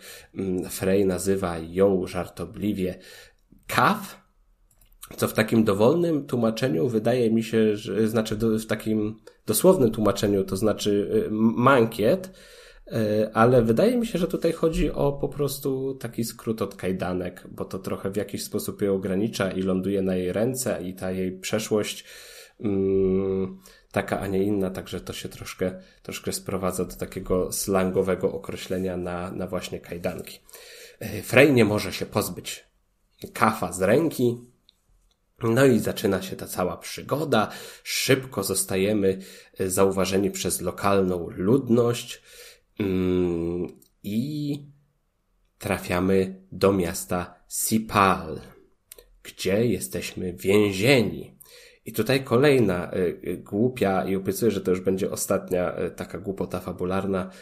Trafiamy do ogromnej wieży. Wszyscy traktują nas jako demonicznego przybysza z innej planety w ogóle chcą nas zgładzić, ale ktoś tam cudem nas y, ratuje z tej, z tej opresji, że tylko nas uwięzią, uwiężą. I że ta cała kraina jest w dramatycznym stanie, bo zaraza wszystko niszczy i w ogóle jest dramat. I, i, i ludzie umierają i jest tragedia. I my jesteśmy tym demonicznym e, przybyszem, który, przez którego to wszystko się wydarzyło, dlatego wtrącają nas do więzienia i dają do pilnowania nas dwóch strażników. Kogo może ty na Podlasie trafiłeś? po prostu ci, ci dwaj strażnicy w tej wieży mnie rozbawili, bo jeszcze tej samej nocy przychodzi pani, której wpadliśmy, gdzieś tam dostrzegła nas, nasz potencjał i naszą dobrą duszę i e, zorientowała się, że, że, że, że Frey jest niewinnie skazana na to wszystko, postanowiła nas uratować i wypuścić z tego więzienia, więc e, uśpiła jakimiś tam ziołami czy magią tych dwóch strażników i, i, i uciekliśmy z tym. Jakie to było głupie, jak ja sobie nawet jej, jak można poświęcić tyle czasu na produkcję gry i takie głupoty fabularne robić, to jest po prostu... Nie, wiem, mi się wydaje, że przesadzasz. Taka od, od fabułka, taka giereczka. Nie, jeszcze jak sobie jak sobie to wszystko, wiesz, zobaczysz na żywo, jak to wygląda, jak te postacie się zachowują, rozmawiają, dialogi, okropieństwo tych dialogów, które mi przypomniały w ogóle o pierwszym y, Horizonie, gdzie też były beznadziejne te rozmowy. Jezu, ja nie mogłem, nie mogłem na to wszystko patrzeć.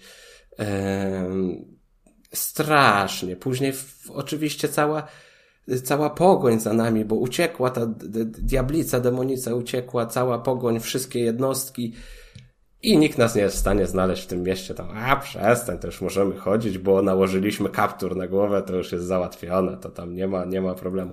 No jest mnóstwo takich y, głupot fabularnych, które gdzieś tam y, mnie raziły. Myślę, że o jednej muszę powiedzieć z dalszej części gry. Y, to raczej nie będzie spoiler, ale jest ale, taki moment. Ale, ale Kubeta ta gra zdenerwowała. Oj, bardzo mnie zdenerwowała, ale to też zdenerwowało Ale, ale że, że, ty się czasami ze mnie śmiejesz, że sobie buduję jakiś taki i trzymam sobie taką...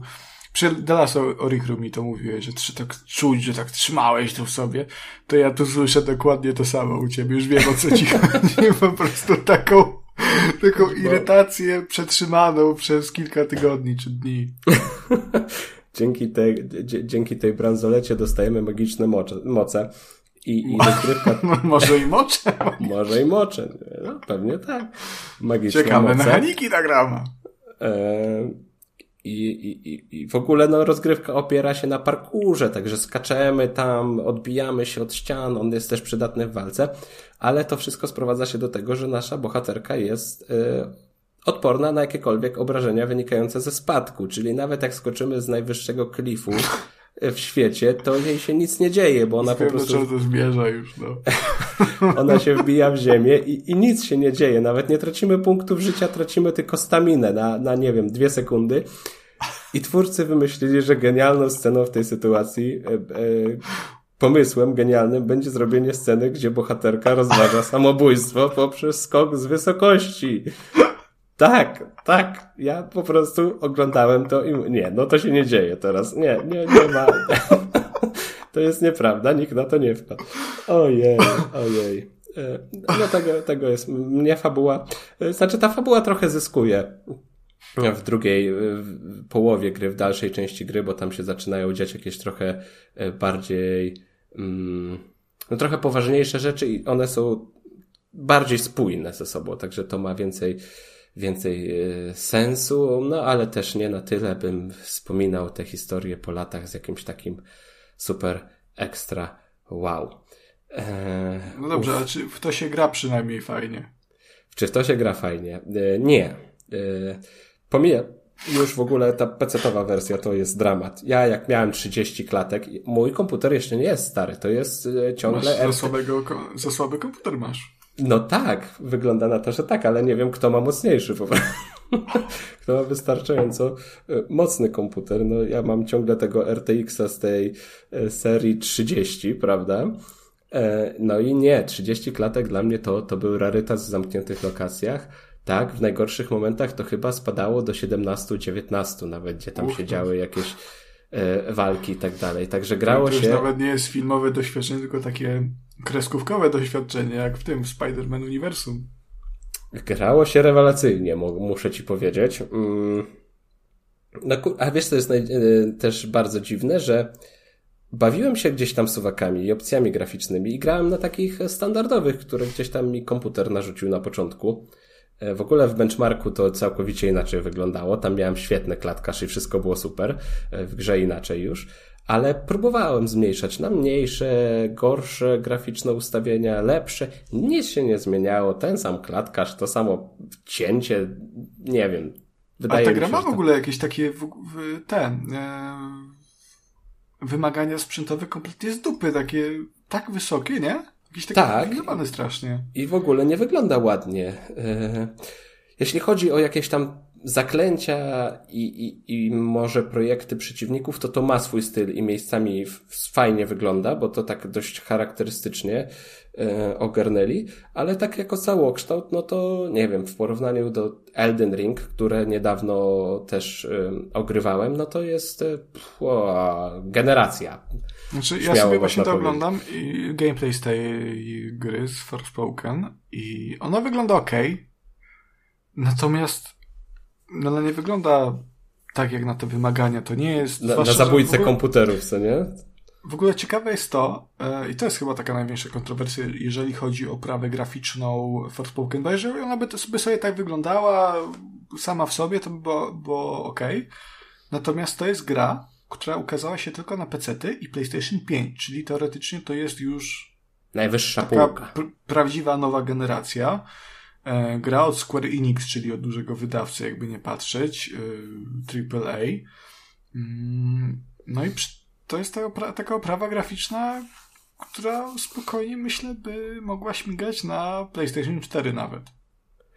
Ja tam jak gdzieś stanąłem gdzieś wyżej na jakimś klifie czy na jakiejś wieży i popatrzyłem po prostu na krajobraz, to miałem takie, no gotik. No jawnie Gothic. Było, no. było sporo porównań właśnie z tego, jak to wygląda teraz, a jak to wyglądało na zwiastunach, no i ten mm, słynny już y, downgrade no, widocznie nastąpił i momentami no to wygląda naprawdę, naprawdę biednie. Przy czym no, warto zaznaczyć, nie, że ja sobie zdaję sprawę z tego, że downgrade to jest standardowa praktyka w grach i to jest coś, czego praktycznie nie da się uniknąć i te początkowe zwiastuny zazwyczaj wyglądają lepiej niż po tych różnych optymalizacjach, no bo na tym optymalizacja polega, że się um, downgrade'uje pewne rzeczy, um, ale to jest jedna z tych gier, w których ten downgrade jest bardzo mocno widoczny. I mimo, że ona dalej wygląda ok, to... Mm, to masz takie wrażenie, że gdzieś kogoś nie? w którymś momencie poniosło bardzo mocno. Tak, no. Um Dobra, bo pytałeś o, o rozgrywkę. To tak, trafiamy do otwartego świata. Frey ma te zdolności do parkuru, więc ona porusza się bardzo szybko, więc twórcy stwierdzili, że najlepszym na to pomysłem będzie zrobienie po prostu ogromnego, dupnego, wielkiego świata, po którym można biegać w tę i z powrotem. Mhm, ale tak, tak naprawdę nie ma tam co robić, bo oprócz wypełniania zadań gdzieś tam z wątku fabularnego, no to są takie bardziej wyzwania niż zadania w stylu, nie wiem, e, dochodzisz do kapliczki, ta kapliczka przenosi cię na arenę i tam musisz e, wybić wszystkie fale potworów w jak najkrótszym czasie. Za to dostajesz punkciki, za to dostajesz jakieś tam e, zdolności. Albo, nie wiem, wejdź na wieżę i zobacz, co tam widać z tej wieży. Kolejny taki e, przykład aktywności. Mm, jest zbieranie mm, punktów magii, które są porozsiewane wszędzie po mapie, nie wiem, w odstępach w zasięgu wzroku i one służą do ulepszenia e, umiejętności, ale są tak zrobione, że wiesz, podchodzisz do jednego, widzisz następny, więc tam biegniesz i biegniesz i biegniesz i to się nigdy nie kończy. Tego jest od groma, także możesz sobie biegać po tej mapie w kółko. To do niczego nie prowadzi. E, I, i mnie już tak do, nie wiem, do, do połowy gry do, dotrwałem, bo jako twardy recenzent przecież dam radę, skończę, muszę, podjąłem się. E, przynajmniej jestem zadowolony, bo zawsze na koniec roku, jak są te różne podsumowania, to tam się mówi o swoich rozczarowaniach. E, ja już, mam to, już, masz, już mam to z głowy, już zawsze mam problem z wyborem, bo na ogół no mam świadomość, e, po jakie gry sięgam i sięgam po dobre gry, więc one nigdy nie są tragiczne. No, Forspoken się pomyliłem. Chciałem, żeby było inaczej, nie wyszło. E, więc ja tymi wszystkimi aktywnościami pobocznymi, są też jacyś bossowie, z którymi możesz stoczyć walkę, dostaniesz jakieś tam przedmioty, które możesz użyć do ulepszenia. To nie ma żadnego znaczenia, to do niczego nie prowadzi, bo ta gra jest też tak prosta w swoim podstawowym korze, że nie ma sensu nic ulepszać. Ja od połowy gry już tylko główny wątek i to przyznaję teraz szczerze, jak biegłem od jednego znacznika do drugiego, to nawet nie zabijałem tych potworów, które były gdzieś tam pomiędzy, tylko tylko walczyłem te walki fabularne, gdzie już naprawdę zamyka się arena i musisz pokonać przeciwników, żeby przejść dalej. A, no bo... to, to, to już jest taki wyznacznik kiepskiej gry, bo ja na przykład w Babylon's Fall robię, do którego wróciłem oczywiście, e, robię dokładnie to samo, czyli tylko te walki, które muszę stoczyć, robię. No. E... Tak. Co ciekawe, dalej nawet pomimo pomijania tej zawartości udało mi się odblokować 50% z wszystkich dostępnych grze achievementów, także jest tam jakiś, prawda, sukces. Łącznie spędziłem z grą ponad 15 godzin. E, pewnie jakby tak nie cięło, to bym spędził 10, no ale co poradzić, czas się wydłuża, mniej klatek, tak? E, więc no, męczyłem... To nie tak działa, kurwa. Co ty to opowiadasz? No przecież tak jest. Mówię ci, Konrad, zaufaj mi. Czyli jak per performance mode na konsoli włączał im 60 klatek, to gram w tempie razy dwa, tak? Tak, szybciej skończysz. Ja ci to mówię już e, po przykładzie Gotika z dawnych lat. To kurde, to może dlatego sobie w tym Dead Space tak nie radziłem. Bo na przykład jak miałem 8 lat i stary komputer i Gothic przycinał, no to yy, bardzo długo się schodziło na graniu. A teraz Ej. jednak jakbym uszedł, wsiadł, to tak myślę, nie wiem, 10 godzinek i po gotiku. Kurwa, ale wiesz co, ja ci powiem, że ja miałem podobno, jako dziecko miałem podobną e, podobny sposób rozumowania, czy też może, może i tyle rozumowania, co e, nie wiem e, postrzegania rzeczywistości? Postrzegania rzeczywistości, tej, tej fazy, fazy denial, nie? Teraz pamiętam, jak to, jak to się ładnie tłumaczy na polski. Mm, o, takie, takie zaprzeczania, nie? Y, faktycznemu stanowi rzeczy.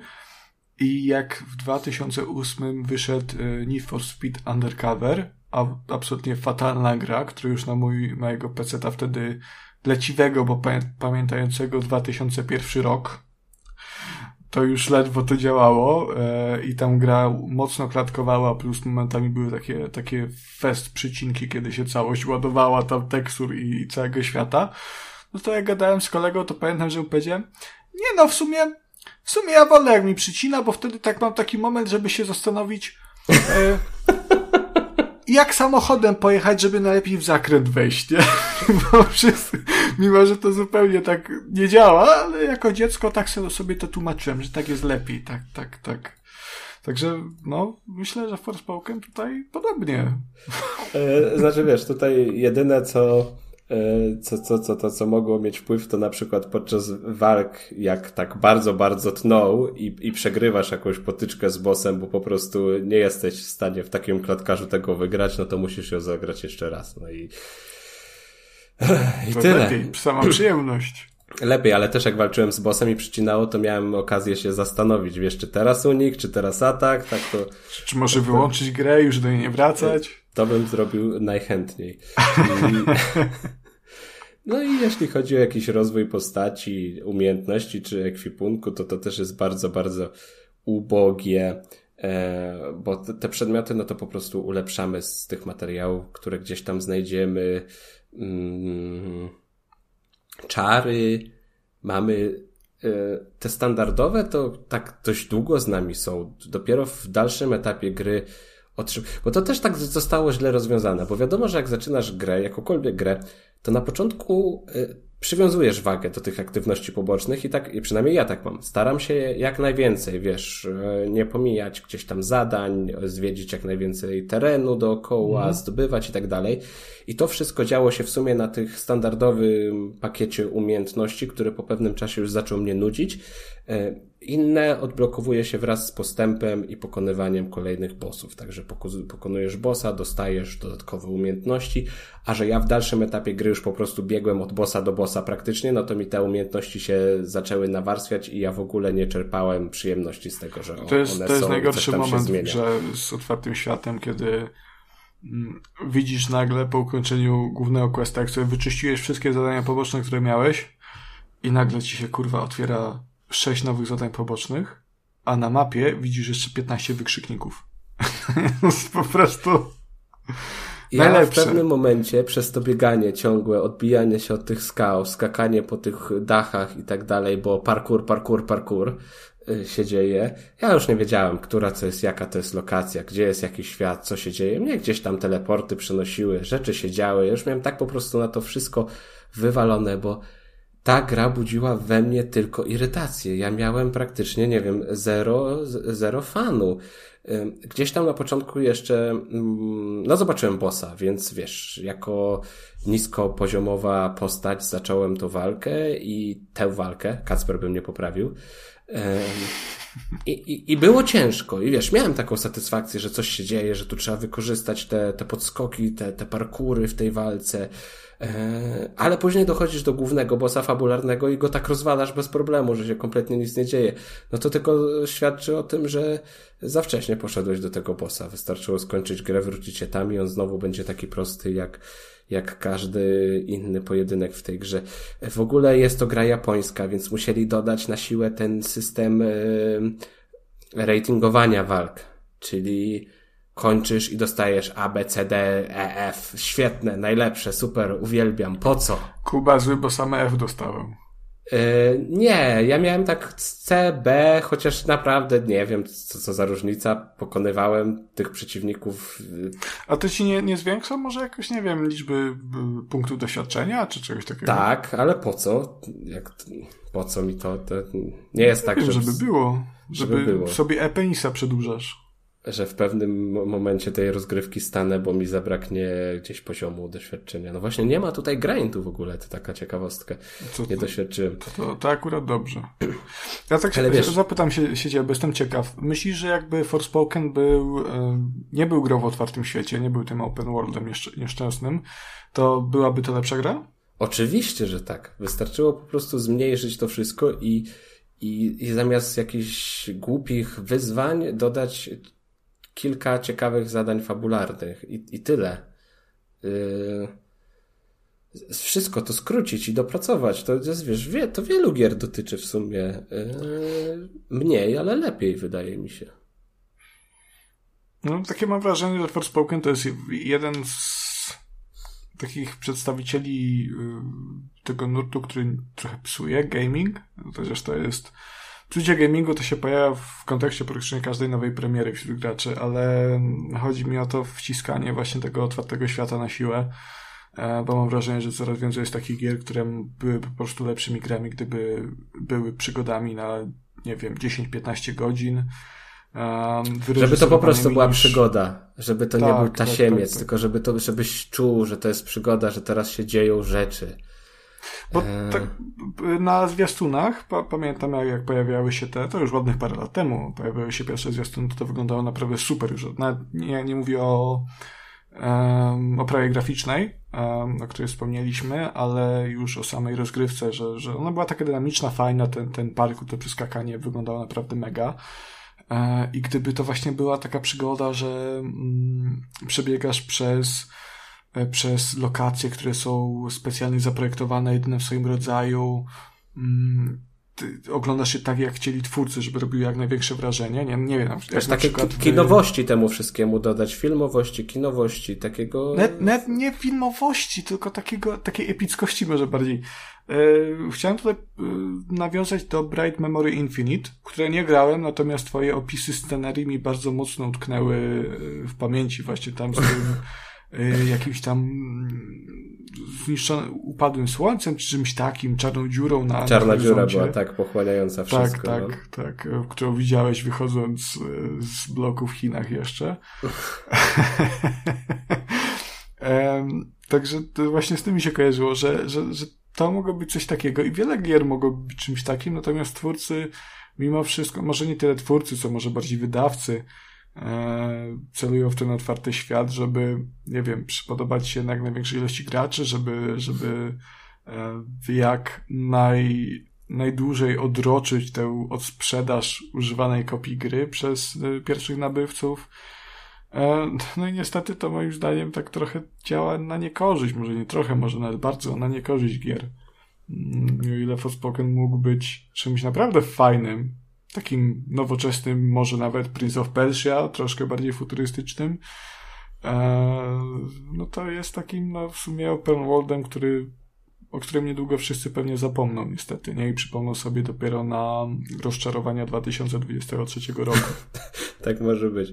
E, nie wiem, ja się strasznie się męczyłem. E, nie miałem jakichś dużych oczekiwań do tej gry, ale właśnie, właśnie myślałem na początku, że to może być jeden z tych tytułów, który gdzieś tam e, takiemu mainstreamowemu odbiorcy się nie spodoba, a, a ja coś tam dla siebie odnajdę. E, bo on się tak prezentował nieco inaczej na tych trailerach. Też nie wykluczam, że na przykład z tego systemu walki mógłbym wyciągnąć znacznie więcej i bardziej się nim rozkoszować jeśli nie to, że nie te 20-25 klatek, prawda, które gdzieś tam e, robią to wszystko ble. Chociaż nie wiem, w moim przypadku ja też mam tak, że ja trochę muszę być zmuszony do tego, żeby zacząć e, korzystać z wszystkich dostępnych narzędzi podczas gry. Mm, bo, Ale to to samo mam. Jeżeli, jeżeli ja mogę klikaniem e, jednego przycisku myszy bić wygrać walkę i tę samą walkę mogę wygrać zmieniając umiejętności, zachodząc od tyłu, skacząc, tańcząc, wykonując uniki. Y, ona, tę walkę wygrywam bezproblemowo i w tym i w tym przypadku to nie widzę powodu, dlaczego miałbym, nie wiem, dla własnej satysfakcji, czy dla tego A czy S, które pokaże mi się tam przy wyniku na, na koniec tej walki. No nie jest, nie przemawia to do mnie w ogóle. Albo robimy coś wymagającego, gdzie faktycznie musisz chwilę pomyśleć i, i dopasować swoją taktykę pod konkretną walkę, bo inaczej nie masz szans tego wygrać. Albo no, nie robić tego w ogóle, bo, bo po co? No, w moim przypadku to często było po prostu klikanie jednego przycisku i, i, i tyle. No, tyle. Tak, tak wyglądały te walki. Eee, coś jeszcze mógłbym powiedzieć o Forspoken? Mm, o, przypomniało mi się, bo też Kacper, który miał tutaj dzisiaj z nami być i wspomóc mnie w tej recenzji, ale ostatecznie e, stwierdził, że woli robić inne rzeczy. Mm, Pić alkohol z, z przyjaciółmi. Z przyjaciółmi. Nocne imprezy, e, nocne imprezy wyczyniać takie, że policja po nocy musi przyjeżdżać pewnie.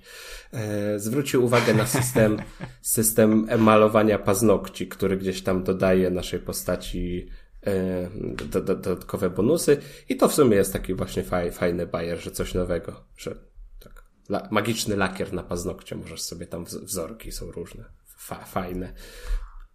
Jest też na przykład są misje, które trochę mi przypomniały o Toku, y, Ghostwire Tokyo, bo tam się śledziło pieski. Można, Znowu można... ktoś srał, tak?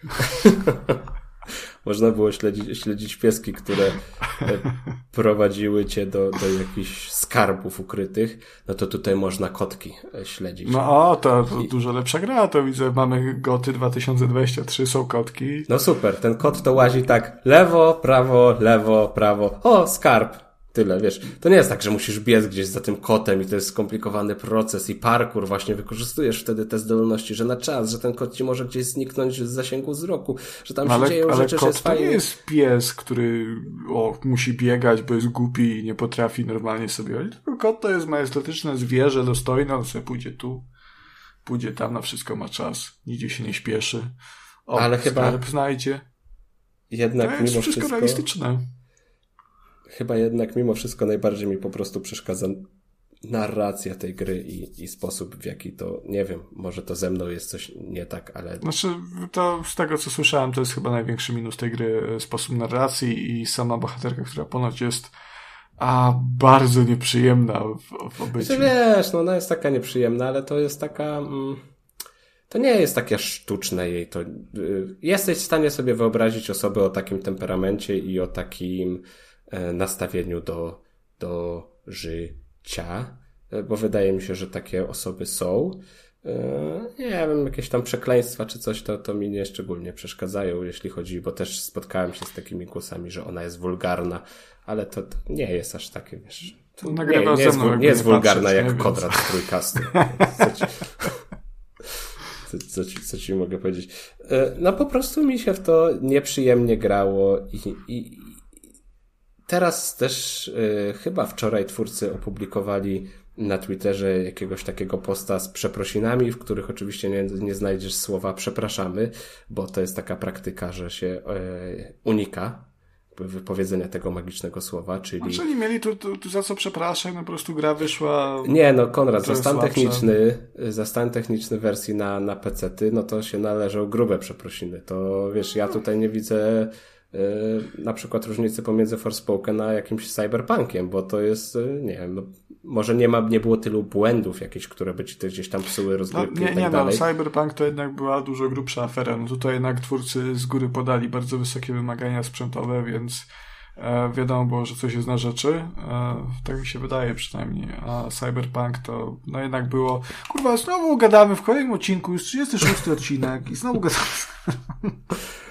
I te, Wszyscy tak, wiemy, jak było. Pojawiło się to oświadczenie, że, że no będą pracować, będą pracować nad optymalizacją, nad em, grafiką, nad zrobieniem wszystkiego bardziej grywalnym. Ale tak naprawdę poza poprawą optymalizacji to, to nie widzę, żeby coś tutaj się jeszcze mogło zmienić. Chociaż nawet lepsza płynność i lepsza grafika nie, nie sprawiłyby raczej, że ja bym się to, tą grą zaczął rozkoszować i nic nie zmusiłoby mnie do tego, żebym po zakończeniu przygody do niej wrócił, bo tam po prostu nie ma co robić. Nie ma. Także rozczarowanie roku mamy już za sobą. To co, Kuba, chcesz usłyszeć teraz o najlepszej grze tego roku? Ach, a to nie był, nie, nie był Dead Space? Nie był Dead Space. A, zajawiasz, że zaraz Kasperek przyjdzie i opowie o Hogwarts Lego. Nie, nie, nie. nie. To o czym chcesz mi tym razem opowiedzieć? Bo przecież wcale nie widzę tego w przygotowanej przed odcinkiem rozpisce. Jest to, Kubusiu, fantastyczny remaster absolutnie fantastycznej gry o podrywaniu licealistek i wow. walczeniu z e, dziwnymi glutkami, czyli Persona 4 Golden. Wow! E. Tak. Kuba nie, już, już nie mógł się od dwóch tygodni doczekać tej recenzji, e, bo po ostatnim odcinku, który był bardzo mocno japoński i w którym jedną z tak, no w sumie taką najważniejszą chyba wtedy grą była na okładce, ja o niej mówiłem, była Persona 3 Portable no to przez ostatnie dwa tygodnie grałem sobie w sequel, bo sequel też wyszedł. W tym samym czasie też wyszedł remaster na konsole obecnej generacji oraz e, komputery osobiste PC. Mowa tutaj oczywiście o Persona 4 Golden, e, czyli znowu to jest gra, która oryginalnie wyszła, jak, jak mi się wydaje, na PlayStation 2 i potem ta wersja Golden trafiła na Vita w, w wersji zdecydowanie mniej okrojonej niż Persona 3 Portable w, na PSP w zestawieniu z oryginalną Persona 3. Oznacza to mniej więcej tyle, że mm, Persona 3 Golden to jest dokładnie ta sama gra, która była mm, wydana na dużą, tutaj w cudzysłowie, konsolę, e, czyli PS2, tylko że z dodatkowymi rzeczami, e, na przykład w e, nową linią fabularną i nowym epilogiem, który można mm, uzyskać poprzez rozwijanie relacji z jedną z nowych bohaterek. O, czyli jest nowa licealistka. Nie tyle licealistka, znaczy ona jest w wieku licealnym, natomiast nie chodzi do liceum i nie, nie chodzi tutaj o jakieś takie patusiarstwo. Technikalista. Rzuciłam szko szkołę po gimnazjum, tudzież podstawówce teraz. E, to jest bardziej taka licealistka, tylko że została porwana przez e, dziwnych ludzi z zaświatów i teraz jest zmuszana do siedzenia w limuzynie i nic nie robienia. No tak, no to jasne, przecież to... Yy, tak, natomiast yy, jeżeli... Kuba Wiesz to może ta fabuła Forspoken nie była taka zła.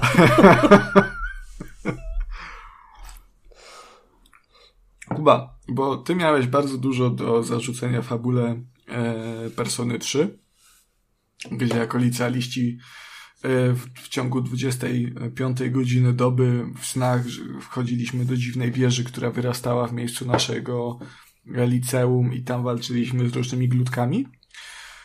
No to wydaje A, mi się, czekaj, że czekaj. Fabuła... O, widzisz, ja mam pytanie, bo jak e, odsłuchiwałem tak. ostatniego odcinka, to zacząłem się za tym zastanawiać. Czy ta Persona 3, ona się rozgrywa w normalnym, realnym świecie, naszym świecie? Czy to tak, jest jednak... Tak, tak. Tak. I, i, i dlaczego, dlaczego ci ludzie nie budzą się o tej godzinie jednej? Normalni ludzie, dlaczego? On, nie wiem. Y, ponieważ Wiwi. Aha, dobrze. To dziękuję za to. To jest takie y, magiczne, no tak działa świat, no takie są prawa uniwersum, no, no, no, no nie wiem, no. Po prostu oni se, se smacznie śmią, śpią, my jesteśmy tymi y, to jest taki, nie wiem, Matrix, to sobie możesz porównać. No dobra, coś. a jak jest zmiana czasu na wiosnę, to oni śpią godzinę dłużej czy godzinę krócej? Chyba, chyba też godzinę dłużej, bo to jest dalej dodatkowa godzina, nie?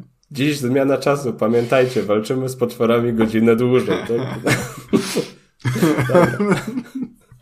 w sumie mógłby być tam taki wątek, w którym bohater wie, kurwa, czekaj. Czy o której będzie teraz? Ale zmiana czasu jest o drugiej zazwyczaj, nie? To się dzieje o północy, także luz. Na szczęście.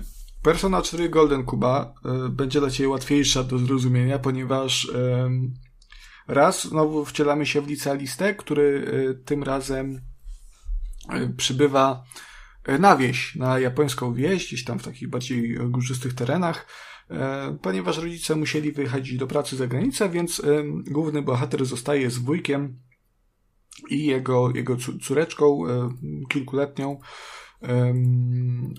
właśnie, właśnie e, w miasteczku Inaba e, i tam e, chodzi do, do liceum, poznaje ludzi, zakochuje się, nawiązuje relacje, prawda, mm, i, i sobie żyje, nie? Takie normalne życie licealisty, uczy się do egzaminów, pracuje nad sobą, wykonuje jakieś tam prace za, za drobne pieniądze, na przykład sobie koperty składa albo sprząta po godzinach w szpitalu. Że e, dziecko e... i wykonuje pracę? Tak, no ale to takie są, wiesz, takie, takie poboczne, takie fajne, nie? Uczy się wartości pieniądza i w ogóle. E, natomiast no nie ma tutaj czegoś takiego e, jak taki głupot jakiś totalny, jak to, że jest 25 godzina i we śnie e, wtedy, kiedy księżyc jest pełni, no to te, te, te potwory wychodzą. To już taki To czekaj, to ty chcesz mi powiedzieć, że fabuły person nie są ze sobą powiązane, że to nie jest jedno spójne uniwersum? One są w jakiś sposób są powiązane, z tego co pamiętam, bo kiedyś pytałem o to chyba na grupie rozgrywki właśnie bardzo, bardzo dawno temu, e, jeszcze na studiach byłem i one ponoć są powiązane, natomiast one nie są bezpośrednio ze sobą powiązane. Okej, okay, czyli tam się Także... mogą dziać kompletnie różne rzeczy, tak? Yy, troszkę tak, no dlatego Persona 3 jest normalniejsza i, i zamiast wchodzenia w ten świat duchów w, w, ciągu 25 godziny po prostu wchodzimy w telewizory, kiedy nam się chce i tam walczymy w telewizorach z ukrytymi, ukrytymi ja, ukrytymi tożsamościami ludzi, czyli na przykład z jakimś takim, nie wiem, homoseksualnym ja, albo, albo z wersją siebie, która chce pokazywać cycki widowni i tutaj nie żartuje. Czy to jest takie, wiesz, normalne już, nie? Nie, no Wchodzisz tak. do telewizora, tam jest taki miś, yy, który jest pusty w środku i ten miś daje ci okulary, żebyś widział przez mgłę i idziesz i walczysz. No dobra. To już teraz mniej więcej wiem, jak to wygląda. Yy, tak, natomiast Okej, okay, już tak zupełnie poważnie, to jest dalej japońska gra, więc fabularnie to jest coś bardzo kuriozalnego. E, natomiast dlaczego wchodzimy do tych telewizorów i do tego dziwnego świata? No to jest, e, jest to dlatego, że e, nagle w Inabie pewnego dnia dochodzi do serii dziwnych morderstw, w których po, po mglistych dniach na słupach i, albo, albo jakichś antenach zostają znalezione ciała, takie wiszące ciała, zwłoki mm, dziewczyn, kobiet. E, I nasz bohater wraz ze swoimi przyjaciółmi, których poznaje e, w tej Inabie i w swoim liceum, postanawia prześledzić to i ratować jak najwięcej ludzi, co robią poprzez to, że chodzi plotka, że jeżeli o północy w trakcie deszczowego, deszczowego deszczowej nocy będzie się patrzyło w telewizor, to zobaczy się tam jakiś tam taki północny kanał, nie taki, taki specjalny show. I um, okazuje się, że ten show jest w jakiś sposób powiązany z tymi morderstwami, zapowiada to, kto zostanie zamordowany. E, także nasi bohaterowie starają się um, rozwiązać tę łamigłówkę i zapobiec kolejnym morderstwom, co e, dość często im się um, udaje aczkolwiek nie bez pewnych e, kłopotów, aczkolwiek te byłyby już spoilerami. E, także dlatego wchodzimy w te telewizory, to jest ten aspekt takiego, nie wiem, można to nazwać takim realizmem magicznym, czy, czy, coś w tym, ten deseń, chociaż pewnie nie. I tam już się odbywa pełen JRPG z turowymi e, walkami. To jest też, no bo tak, znów, nie lubię strasznie opowiadać o personach, bo strasznie mi się te gry podobają, natomiast e, przez to, że rozgrywka dzieli się na dwie połowy, to mam wrażenie, że nie potrafię nich, ich e, tak dobrze wytłumaczyć, więc zacznę od początku. E, wydaje mi się właśnie, że przy trójce tak troszkę zamotałem. Myślałem, że zmierzasz do tego, że, że ciężko jest opowiedzieć o tej grze um, tak, żeby brzmiała recenzja pozytywnie i pomimo tego, że ci się podobają, to, to... Nie, no. Chciałem tylko powiedzieć, jest... że jakbyś po drugiej stronie miał kogoś z właśnie za, zajaranego japońszczyzną i mhm. personami, no to tu też byłoby takie pewnie takie, wow, ale fajnie, to super, ale to, to pomysł ten. No nie, na mnie to tak nie działa. To na ciebie nie działa? Ja wiem, że to na ciebie nie działa, natomiast e, spróbuję ci tę grę sprzedać.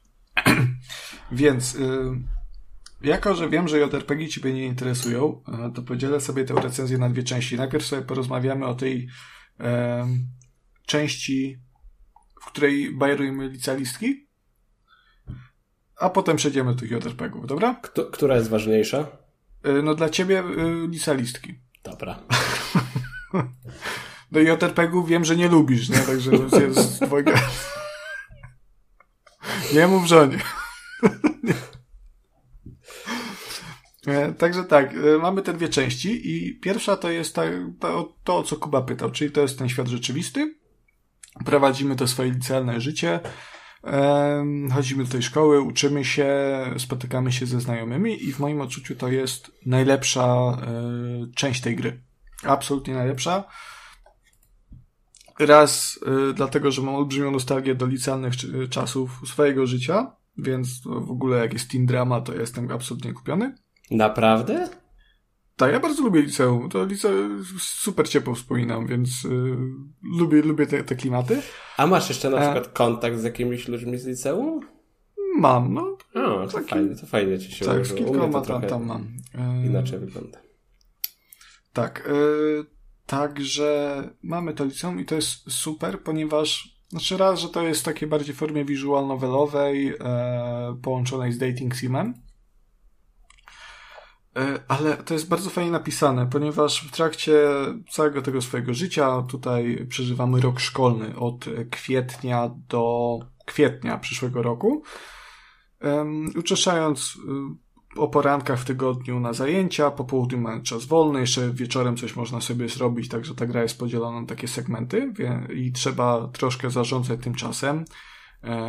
No bo w każdym, o każdej porze dnia możemy zrobić tak naprawdę jedną rzecz, albo spotkać się ze znajomymi i zwiększyć e, nasze relacje, poprawić nasze relacje, e, albo pójść do pracy, zrobić pieniążki, które potem można wydać na ekwipunek, e, przy okazji zwiększając na przykład swoją odwagę, swoją, prawda, ekspresję, tak to jest ładnie nazwane, czyli, czyli taką no, charyzmę powiedzmy. E, albo swoją wiedzę i, i to wszystko e, wpływa mm, dalej na rozgrywkę, ponieważ e, im na przykład bardziej odważni jesteśmy, tym możemy używać takich odważniejszych wypowiedzi, czyli jak ktoś tam przychodzi, do nas coś na nas krzyczy, no to dostajemy na przykład trzy dialogi do wyboru i jeden to jest tam zamknij dupę pało i to, to jest ten najwyższy, jeżeli nie mamy odpowiedniej odwagi, no to nam gra wyświetli, że no nie jesteś wystarczająco odważny i możesz powiedzieć, no ja przepraszam. I, i, i ta, ten dialog się troszkę inaczej potoczy. Chociaż to też nie jest aż taki RPG, że tam jakieś strasznie różne ścieżki są fabularnie odmienne. E, ale to jest dalej miłe. No i, no i także musimy sobie tym czasem tak operować. E, ale tutaj największym, największym plusem są właśnie te relacje z bohaterami, bo e, te postaci są naprawdę fajnie napisane. Mm, I początkowo to są takie stereotypy japońskiej szkoły pisania E, pisania historycznej. Mamy jakiegoś takiego wyrwanego do przodu chłopaczka, który, który próbuje być cool i zdobywać laski. E, mamy jakiegoś takiego guy'a, który wszystkim by chciał napierdolić. E, jakąś cichą myszkę, która się bardzo wstydzi wszystkiego, nie? Czy jakąś inną chłopczycę.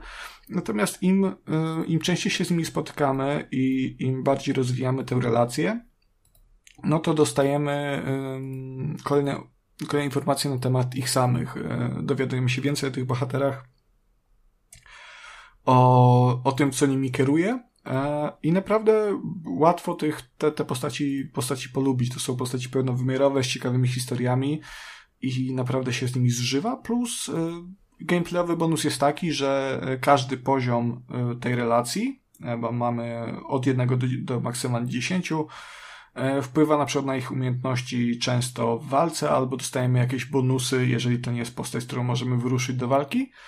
E, jakieś bonusy na przykład, nie wiem, no, dodatkową umiejętność, czy coś, co, coś w ten deseń. E, co jeszcze jest fajnego? E, jeżeli chodzi o zmiany względem Persona 3 Portable, no to no, Persona 4 Golden to, to jest właśnie ten brak cięcia, o którym mówiłem. E, tutaj to całość rozgrywa się nie na mm, statycznych planszach, ale to jest już w pełnym trójwymiarze. Faktycznie chodzimy po tej Inabie e, i zwiedzamy te lokacje, e, co jest super. No i dodatkowe mechaniki są. Na przykład jest mechanika teraz jeżdżenia na skuterze, co jest w zasadzie tylko odblokowuje nowe, nowe lokacje. Możemy sobie łodzić ryby albo sadzić, prawda, marchewkę i pomidory po godzinach. Także to są takie fajne rzeczy. Najlepsze. Najlepsze, tak. E, wiem, że to brzmi głupio, ale to jest jakoś tak cały ten taki mm, vibe tego, e, tego życia licealnego to się bardzo fajnie wpasowuje. Sadzenie e, marchewki. Najlepsze. Sadzenie No w przy... Ja w liceum Dobra. My ja po maturze po maturze chodziliśmy sadzić marchewki, Konrad. To tak, tak. było. Dobra, no ja głównie w liceum piłem piwo, ale... Ale marchewki ale... zawsze gdzieś tam miałeś w pamięci sadzenie. tak, e, tak było. Ja jak najbardziej pisałem sobie maturę z angielskiego i tak sobie myślałem, kurwa, bym sobie marchewek nasadził tam. Jezus. Ja bym jeszcze takim tam je podsypał nawozem. Matko Bosko, kochano. Um, co jeszcze miałem mówić o tym świecie? E, aha, jeżeli ogólnie fabularnie jest naprawdę fajnie, mimo że te dialogi czasami się ciągną, jest ich bardzo dużo. e, to przez to, że się zżywamy z bohaterami, no to to nie boli, to, to, to, się, to się fajnie śledzi. Tylko to jest gra, która pochodzi chyba z... Kiedy to zostało wydane? W 2008? Persona 4, sprawdźmy szybko, bo sama gra, fabuła gry dzieje się w 2011 roku, natomiast Persona 4 oryginalnie została wydana, w, tak jak mówiłem, w 2008 roku. Eee, I psikus polega na tym, że to jeszcze były te czasy, to może być kontrowersyjny, co ja powiem, ale jakby przed takiej, nie wiem, rewolucji, progresywnej rewolucji, tak to nazwijmy. Eee, I to jest gra japońska, więc ta wrażliwość na pewne Wiesz, aspekty jak, społeczeństwa. Jak się, jak się trochę której... słucha o Japonii, to ta rewolucja to tam jeszcze tak mogło jej nie być. Ta, ona tam nie dotarła, nie? To jest, wiesz, to jest dalej, to z zachodu idzie tam na wschód tak bardzo powoli. Na razie jest u nas teraz. Um, I o co chodzi? No, chodzi o polityczną poprawność oczywiście i jak dla mnie absolutnie tu nie ma żadnego problemu. Ja jestem z tych osób, które e, Zdroworozsądkowo tam... podchodzą do tego po prostu. Tak, wiem, że to jest przeszłość, wiem, że to jest takie, to, okay, takie januszowe poczucie humoru trochę. E, natomiast zdaję sobie sprawę z tego, że wiele osób e, ta gra może do siebie bardzo zgorszyć, bo tutaj podejście do, do osób homoseksualnych i osób z, z otyłych jest bardzo, bardzo takie 90 że tak bym powiedział. To jest taki poziom trochę przyjaciół. E, na przykład mamy bohatera, e, który ma swoją taką część ja, która, która jest troszkę bardziej nie tyle homoseksualna, co, co bardziej może biseksualna. E, I drugi i drugi z bohaterów, tutaj specjalnie nie, nie, nie, nie rzucam nazwiskami, żeby ewentualnie komuś nie zaspoilerować, przez praktycznie całą grę, odkąd się o tym dowiedział, cały czas, wiesz, traktuje go po prostu, jakby tamten chciał go zaraz cimci rimci i krzyczy, że się czuje nieswojo i się pyta, czy na przykład, o, a tamten ci się podoba, a tamten ci się podoba, a tego byś cimci rimci. Eee, Ale to wiesz, to, jest to może trochę jest takie... Mm bo może to twórcy chcieli tak przedstawić to w naturalny sposób i takie sytuacje gdzieś w wieku licealnym, takie, takie rozmowy pomiędzy y, y, no, postaciami, ludźmi, jestem sobie w stanie wyobrazić. Tak, ale dajesz, dajesz twórcom bardzo duży kredyt zaufania. Mi się wydaje, że to po prostu, wiesz, miało być, miał być taki typowy Śmie żart. Miało to, to, to, to miało być humorystyczne. I momentami przyznam, że naprawdę mnie to śmie śmieszyło, bo e, była tam sytuacja, kiedy gdzieś tam mieliśmy y, jechać na wakacje. Jeden z bohaterów się pyta, no, a ty, a ty kogo byś najchętniej zobaczył y, w stroju kąpielowym, nie? Jedną z opcji właśnie był ten facet, nie? Jakże mryknął śmiechem, bo to było tak napisane fajnie. E, no ten się oburzył oczywiście. Co ty gadasz w ogóle? Jak to chłopa byś oglądał? Co ty ten? I to było tak abstrakcyjne, że śmieszne. Natomiast rozumiem, że dla wielu osób to może być problematyczne, e, więc warto mieć to na uwadze. To jest, to jest gra z innego kręgu kulturowego i też z innych czasów, no jakby nie patrzeć. E, ale to też nie jest, wiesz, to, to nie jest takie złośliwe, to nie jest chamskie. E, to po prostu jest, nie? Więc, więc jeżeli komuś to nie odpowiada, no to może bym nie ominął, bo też nie uważam, żeby to był na, na, tyle wielki problem dla ludzi, żeby, żeby warto było Persona 4 pomijać, bo to jest naprawdę fantastyczna gra a, i to jak ona podchodzi do różnych problemów e, bohaterów, e, na przykład, nie wiem, z rozwodami rodziców chociażby, e, z jakimiś, no nie wiem, no, no chorobami, z, z problemem zestawienia własnych marzeń z wymogami rodziców, no to jest, jest naprawdę ciekawe i naprawdę fajnie napisane. E, więc warto chociażby dlatego sięgnąć po Persona 4, zwłaszcza, że e, ta druga część Persony, czyli ta JRPGowa, kiedy wchodzimy do tego telewizora i tam bierzemy udział, no, zwiedzamy te dungeony i bierzemy udział w taktycznych, e, turowych walkach, no to też jest y, dużym krokiem y, w przód względem trójki. Bo trójka działa się w jednym generowanym losowo dungeonie, który miał 255 y, poziomów, zupełnie nieciekawych. praktycznie się od siebie nie, nie e, a który musieliśmy ukończyć do, do czasu zakończenia mm, roku szkolnego, więc to było męczące i to było momentami bardzo nudne. I tutaj też, też te dungeony nie są jakieś arcyciekawe, natomiast one są raz, że krótsze, no bo każdy dungeon jest związany z jedną e, porwaną osobą, która się pojawia, pojawiła w tym telewizorze o północy. Podoba mi się to, że w przypadku japońskich gier bycie jakiejś mechaniki czy wątku, jak jest krótsze, to to jest zaleta gry. Znaczy, no umówmy się, no problemem JRPG-ów jest to, że tych walk jest od cholery i one są często bardzo powtarzalne, nie? Jakby grind jest z JRPG-ami tożsamy. Natomiast Persona 4 właśnie do grindu nie ma. E, tak samo jak Forspoken, Kuba. U, dwie wybitne gry. Więc yy, jasne, łazimy po tych dungeonach, natomiast one są krótsze, mają, jest ich więcej przede wszystkim, więc są bardziej różnorodne, bo odpowiadają charakterowi, czy też tej ukrytej yy, tożsamości porwanych osób. No i te, te są krótsze, e, bo mają 10 pięter, a nie 255, nie? Także mamy i większą różnorodność, bo na przykład jeden dungeon to jest e, w zasadzie taki wielki klub ze striptizem, bo jedna z bohaterek e, no ukrywa to, że no lubi pokazywać się półnago, Dlatego e, natomiast, ukrywa to w klubie ze striptizem. Najlepsze znaczy, ona jest, ona jest idolką, nie? Więc to jest też w ogóle japoński koncept. E, ale nie, bo to chodzi o to, że każdy z tych dungeonów na przykład ta, tak jak Kubaty se jesteś, nie? I na, na co dzień jesteś takim Kubą, którego my wszyscy znamy z trójkastu, ale w głębi siebie jest tam jakaś cząstka ciebie, która to Forspoken kurde lubi, nie? I to Forspoken się podobało i fajnie się grało, ale ty jako Kuba, którego, którego znamy z trójkastu, taki Kuba na co dzień, y, no bardzo się tylko wstydzi i to y, ukrywa i zaprzecza, że tak jest.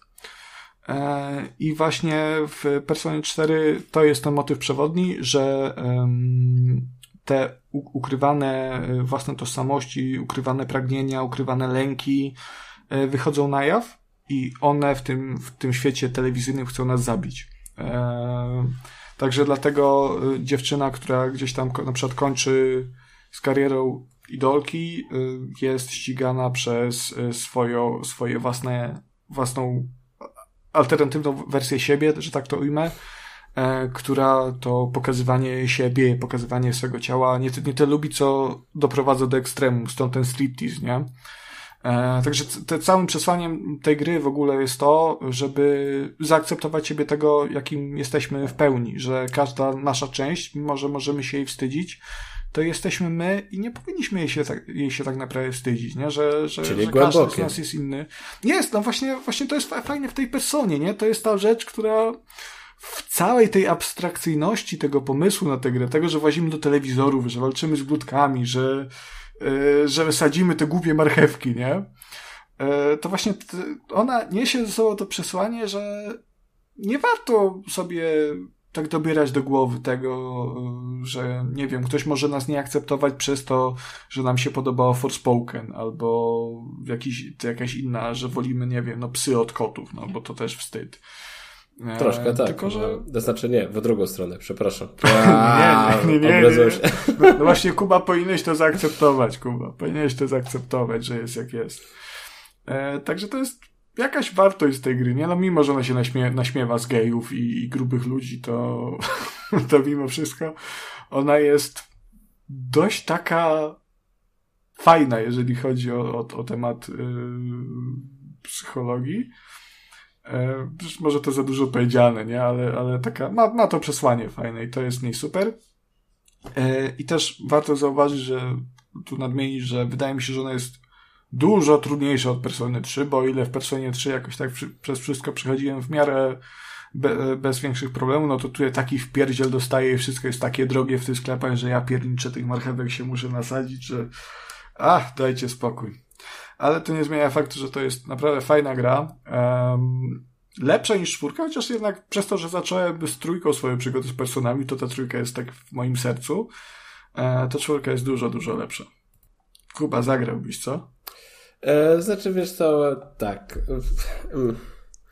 Te persony gdzieś zawsze były tam na mojej, na mojej liście gier, e, które fajnie by było sprawdzić, fajnie by było ograć, bo to są, no to są klasyki, tak? To są mhm. uznawane za jedne z najlepszych e, serii gier na świecie przez, e, no, nie tylko japońskich graczy, bo one też na zachodzie są, są, są popularne i, i, i ludzie lubią, ale ja się jakoś ich tak boję, a te dwie ostatnie recenzje, jakoś niekoniecznie mnie jeszcze przekonały do tych, do tych gier.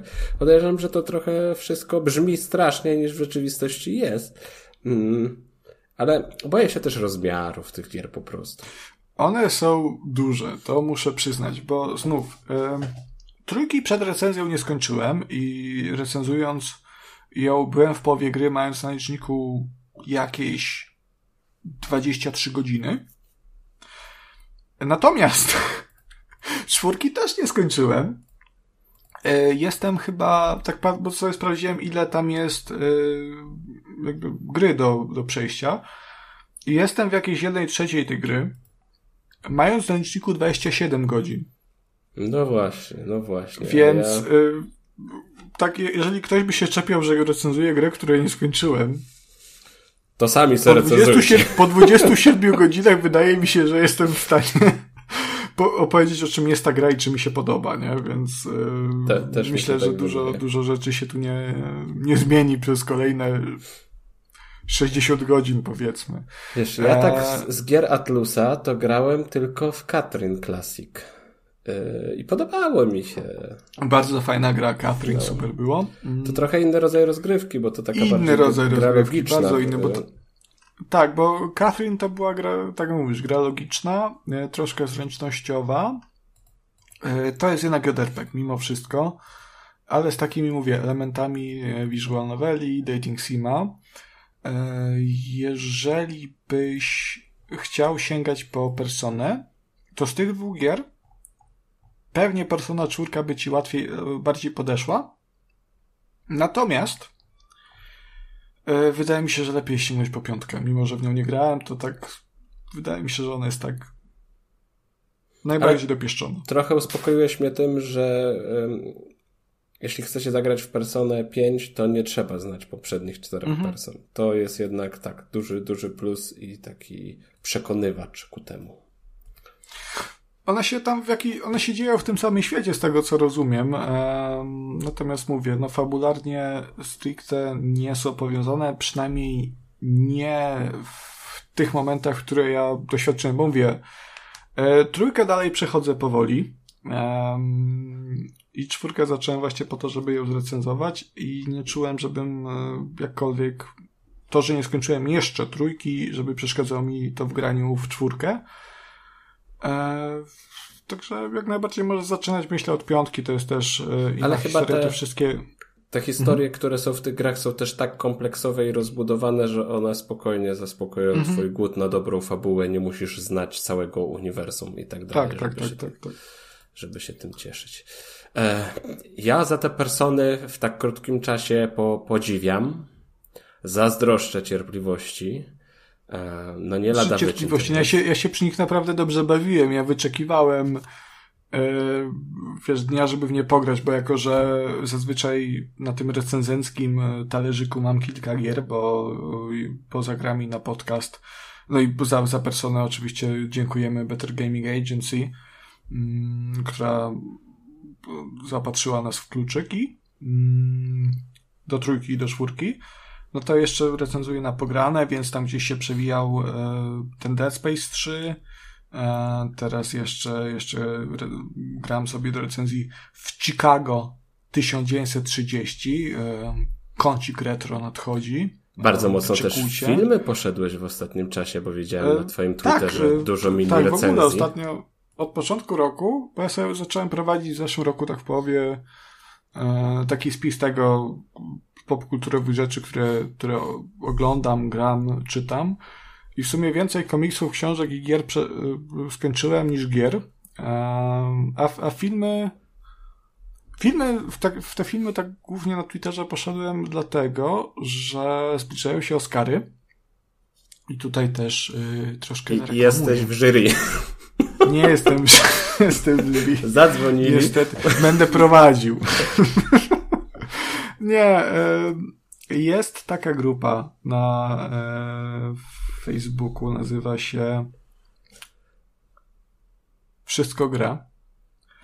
E, I to jest, to jest grupa powiązana z podcastem nieodżałowanym, podcastem Kolaudacja. E, to był podcast, który chyba już od dwóch lat, albo roku, od roku na pewno e, nie miał nowych odcinków niestety, bo no nie, pandemia troszkę wszystko rozsypała, mi się wydaje, plus różne sytuacje zawodowo-zdrowotne z tego, co czytałem. Kolaudacja to był podcast, który w ogóle polecam przesłuchać archiwalne odcinki nawet dzisiaj. To jest świetny podcast E, prowadzony e, przez e, Tomka Pieniaka. Mm, I również tam się uczęszcza na przykład Katka Poremska, którą też, jeżeli na Twitterze jesteście w tej banieczce giereczkowej, to możecie ko kojarzyć.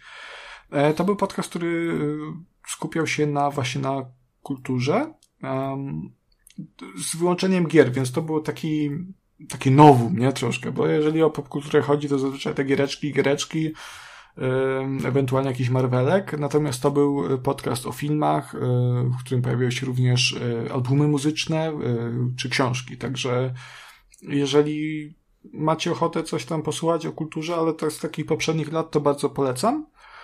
E, no i to na tej grupie wszystko gra. Co roku pojawia się takie wydarzenie, mm, też prowadzone przez wspomnianą Kasię Poremską, które polega na obejrzeniu jak największej liczby filmów, które nominowane są w danym roku do Oscara. Także e, z Madzią postanowiliśmy sobie w tym roku wziąć udział w tym wydarzeniu e, i obejrzeć jak najwięcej tych filmów, nie? E, tam jest ładna rozpiska, jeżeli ktoś chciałby wziąć, to zapraszam na grupę, tam jest ładna rozpiska w Excelu, jakie filmy są nominowa nominowane, za co, na jakich platformach je obejrzeć, czy, czy są dostępne w kinach, albo dopiero będą dostępne gdzieś, to wtedy jest też data podana, to wszystko można się wpisać, to wszystko zbiera, jaki procent filmów obejrzeliśmy e, i no jest naprawdę, naprawdę bardzo, bardzo, bardzo fajnie i tak sobie oglądamy z Madzią te filmy i jest, jest super przyjemnie. No to widzisz, mamy, mamy trójkast, mamy trójkast retro, no to, to pora na trójkast film, trójkast książka, trójkast y, muzyka. Mm, już... Jak chcesz, to ci mogę o komiksie szybko powiedzieć, o dwóch tomach komiksu, które ostatnio czytałem. A to bardzo proszę, bo jeżeli mnie zachęcisz, to, to kupię. E, wydaje mi się, że mogę cię zachęcić, bo to jest, wydaje mi się, trochę komiks, który będzie ci bliski. Bo chciałbym wejść w ten świat komiksów, ale tak w sumie Chyba jakbym miał zaczynać, to teraz nie wiedziałbym od czego zacząć, tylko poszedłbym do jakiegoś sklepu albo gdzieś szukał online i zamówił po prostu coś z ładną okładką.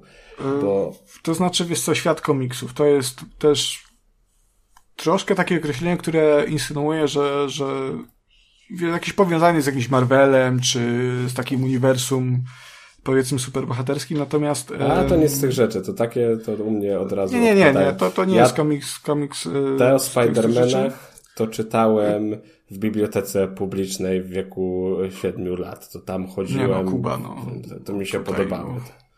Kuba, tutaj my celujemy przecież w odbiorcę bardziej ambitnego, prawda? Komiksy też będą ambitne.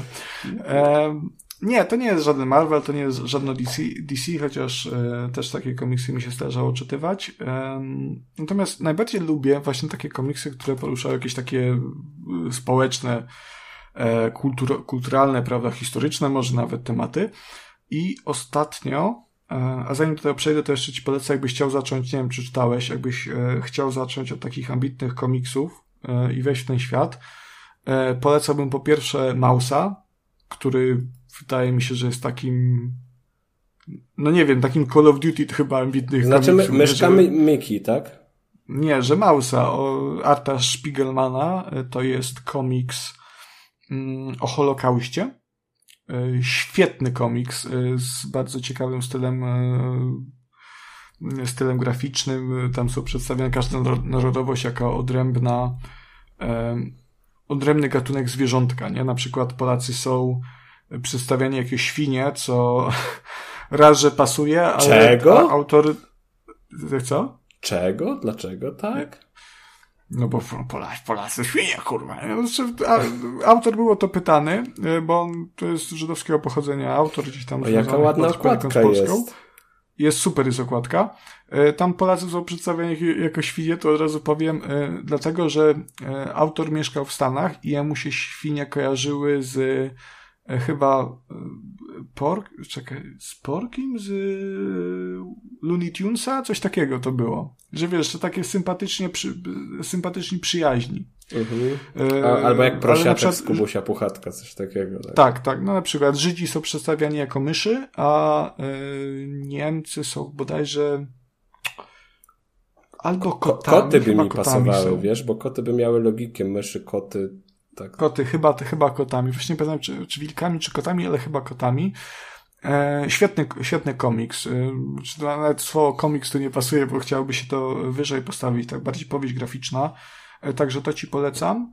E, drugim ciekawym komiksem jest e, Umowa z Bogiem. To też moja cudowna współmałżonka mi sprawiła jako prezent, e, chyba na urodziny któregoś roku. I też świetny komiks o o historii pewnej żydowskiej dzielnicy. Też w ogóle ci Żydzi są tutaj w tych komiksach takim wątkiem przewodnim. E, natomiast zupełnie przypadkowo. Tak, fajnie, historii... fajnie skaczesz pomiędzy Holokaustem, a JRPG-ami i fabułami tak, z persony. No. Także, ale to nie jest o Holokauście, to jest o historii i na przestrzeni wielu lat e, pewnej żydowskiej kamienicy e, i dziejów jej mieszkańców, jak ona się zmieniała. Nie? To jest E, trzeba to przeczytać. To jest naprawdę świetna historia, tak dająca do myślenia. Tak samo jak komiks, o którym chciałem powiedzieć, e, też bardzo szybko. E, to jest trzy, trzytomowa powieść. Mm, ja skończyłem dwa tomy z trzech. Natomiast każdy z nich skończyłem w zasadzie na jedno posiedzenie. Nie? I tytułem te, tytuł tej serii komiksu to jest Odyseja Hakima to jest seria autorstwa francuskiego autora, który nazywa się Fabien. I teraz sobie szybko sprawdzę. Fabien Toulme. I Odyseja Hakima to jest um, opowieść oparta na prawdziwych wydarzeniach. Hakim to jest imię zmyślone, natomiast sam bohater i jego dzieje, według tego co autor mówi, są um, prawdziwe. I to jest opowieść o młodym Syryjczyku, e, który po arabskiej wiośnie ludów z 2011 roku e, wybywa z tej e, rozdartej wojną domową Syrii po to, by szukać gdzieś lepszego życia i no, jakoś przetrwać w tym, w tym świecie, zapewnić byt swojej rodzinie. E, I to jest rozbite na, na trzy tomy, bo to nie będzie spoiler, to już wiadomo po rozpoczęciu pierwszego tomu. Główny bohater Hakim e, koniec końców zamieszkuje we Francji, więc to jest podróż z Syrii do Francji, natomiast ona przebiega przez bardzo różne kraje i e, bardzo różne wydarzenia. To tutaj kreska jest dosyć taka infantylna, to jest taka kreska gazetowa troszkę, natomiast e, to zestawienie mm, prostej, ładnej, wręcz takiej dziecięcej kreski e, z tematem, który jest bardzo aktualny, e, bardzo poważny i bardzo kontrowersyjny też w dzisiejszych czasach, mm, no, naprawdę ciekawie współgra i wręcz pod, podbudowuje to takie szokujące wydarzenia, które tam się dzieją, nie?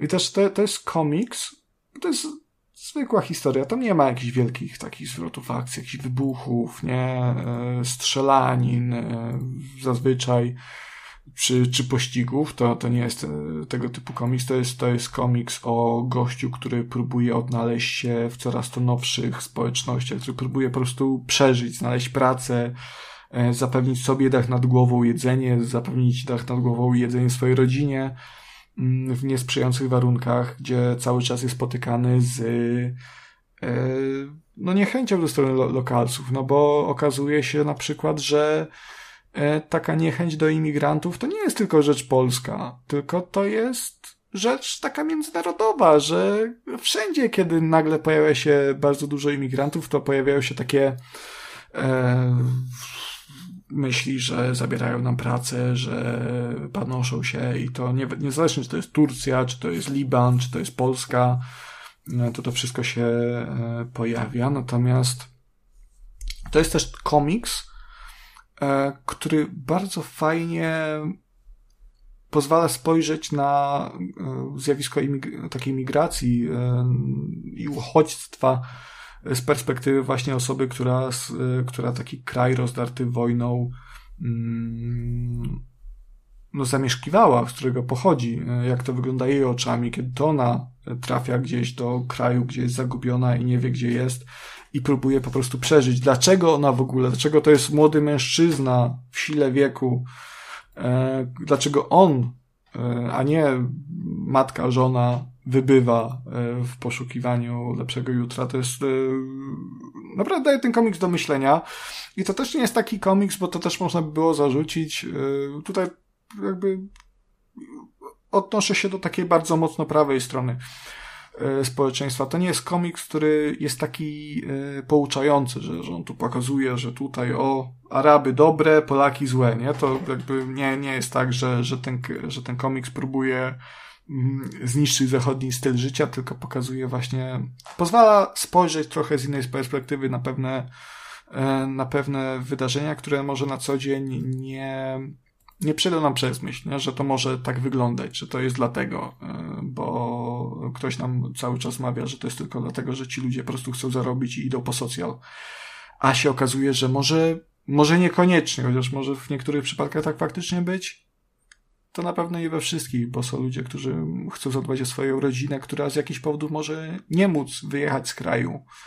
E, I momentami to jest naprawdę bardzo przykry komiks. Mimo, że to się czyta jednym tchem na jedno posiedzenie, e, to potem po skończeniu jest takie, takie poczucie, że kurde, no, y, może w tej Polsce jakkolwiek by nie było, może nie jest tak, tak źle, także E, absolutnie polecam każdemu, niezależnie czy, czy jesteście lewakiem i próbujecie zniszczyć e, zachodni styl życia i, i polską kulturę, czy może jesteście prawakiem i chcecie zniszczyć e, w ogóle ludzi i tylko katoliban i wszystko, wszystko co najgorsze i, i o. To jest komiks dla wszystkich, bo myślę, że każdy znajdzie w nim coś wartościowego. Także jeszcze raz, Odyseja Hakima, e, Fabiana Tolme. On też nie jest jakiś, jakoś bardzo drogi. Pierwszy tom można dostać za 35 zł. E, kolejne to tak około 50, ale, ale to jest naprawdę świetna lektura. E, miał być szybko, a wydaje mi się, że się trochę rozwlekłem. Rozw... Ale... Fu, rozwlekłem. Muszę przyznać, że jestem e, pozytywnie za zaskoczony i zachwycony, bo jak tak z partyzanta, to pięknie opowiedziałeś o tym wszystkim. No, i, widzisz. I, i, bo mi się ten naprawdę, komiks naprawdę, naprawdę autentycznie podobał, nie? Było czuć, było, było to czuć. E, było też czuć to, że e, podejrzewam, że już w momencie czytania, a na pewno po zakończeniu, miałeś bardzo dużo różnorakich przemyśleń i dużo się tam działo w Konradzie w środku. I to w sumie chyba było czuć. Mam rację? Znaczy, to teraz mówisz jakbym taką konserwą, nie? Która tam przeczytała. E, nie, no wspomniałeś, że to jest, wiesz, na, na każdą stronę działa. E, nie, może działać nie, tak. To, to, jest, to jest taki komik, który, który zmusza troszkę do myślenia. To też nie jest to, mówię, bardzo ciężki komik, że przeczytacie to i będziecie mieli zgagę po prostu. Będzie siedzieć taki, ja pierdolę. Takim jest trochę Maus który o tym Holokauście traktuje. Okładka tak wygląda trochę. Tak, tak. no, ale Odyseja Hakima jest przez tą kreskę e, i sposób takiego troszkę luźniejszego reportażu jest, jest dość lekki w odbiorze, natomiast zachęca do takich przemyśleń i do e, pomyślenia o tym, co przychodzą ludzie. A, a, a też trochę chciałem polecić ten komiks właśnie przez to, że no, żyjemy w czasach, kiedy zjawisko imigracji, już nawet abstrahując o tej od tej e, wiosny ludów i e, migracji z Bliskiego Wschodu, które tam tu dochodzi to zjawisko różnic kulturowych i religijnych, no to w przypadku e, skurwysyństwa rosyjskiego no jest bardzo aktualne, nie? zwłaszcza w Polsce. I też w tym temacie pojawiają się mm, bardzo różne opinie i bardzo przykre opinie w wielu, w wielu wypadkach. Także to jest taki komiks, który no, pozwala spojrzeć e, na tę perspektywę migrantów z tej drugiej strony, z ich perspektywy. Zobaczyć, co mogą myśleć, jak mogą podchodzić do spraw i e, jak się czuć po prostu, nie? Że to nie jest tak, że kurwa, fajnie, wojna, wypierdalał, nie? Ach, kurwa, życie na socjalu. Tylko, że to jest jednak e, próba przetrwania i to taka często bardzo desperacka. No dobrze. Politycznie nam się zrobiło trochę. Troszkę tak, ale, ale wiesz, e, w dzisiejszych czasach się chyba nie da uciec od, od polityki. Jak bardzo byś się nie starał, jak bardzo byś próbował ignorować, tak ta polityka w mniejszym lub większym stopniu jest wszędzie. E, wow, chcę powiedzieć, wiem, że to źle teraz e, zabrzmi, ale chcę powiedzieć, że cieszę się, że nie ma dzisiaj z nami Kacpra, bo gdyby był, gdyby był Kacper, to ten odcinek, no daj mi dokończyć. Ten odcinek no trwałby grubo ponad 4 godziny, bo no, jest, pewnie Kacper by coś przygotował. Mam nadzieję, że, że to, o czym y, mógłby opowiedzieć dzisiaj, zostawi sobie na następny odcinek, bo, bo, bo chcę. A spróbuję nie. Posłuchać właśnie o, mm, o Hogwarts Legacy. Kasper już miał okazję ogrywać grę, recenzować. Jego recenzję jak zawsze znajdziecie na Antywebie, także tam też odsyłamy. Y, ale nie spodziewałem się, że taki syty odcinek i długi nam wyjdzie. Ja, ja też nie. Ja... A, a tu już ponad 3 godziny na liczniku. No właśnie. No. Ale fajnie, bo też wychodziliśmy z takiego założenia, no to teraz będą te odcinki częstsze, takie no, bardziej regularne, to też na pewno będą krótsze. Mhm, dobra. Udało się, misja zaliczona. No to ostatnio po 4 godziny trwały, także wiesz. Okay. Jest progres. Dorzucić tutaj recenzję FIFA i, i mamy bite 5. Dobra, czas, czas się pożegnać. Ja się nie przedstawiłem w ogóle na początku, chyba zapomniałem, chyba ale dzisiaj ponownie ja miałem okazję poprowadzić odcinek, także e, prowadził Kuba. Dziękuję bardzo za uwagę. Ze mną był Konrad Noga. Dziękuję również za uwagę. A to był 36 odcinek trójkastu i drugi odcinek dwójkastu. Zdradzę tylko, że najprawdopodobniej na 95% kolejny odcinek, który się ukaże, to będzie trójkast retro. Także czekajcie. Już nawet mam zawsze... gościa nagranego. Uuu, już jest nawet gość. E, zachęcamy do śledzenia nas na socjalkach i wszędzie, gdzie się tylko da. Dzięki za uwagę, do zobaczenia, do usłyszenia. Hej! Pa! A wy? Co sądzicie o grach i tematach poruszanych w odcinku? Koniecznie dajcie nam znać w komentarzach, na Twitterze lub poprzez adres e-mail. Wszystkie linki znajdziecie w opisie. Pozdrawiamy. Ara, ara, sayonara!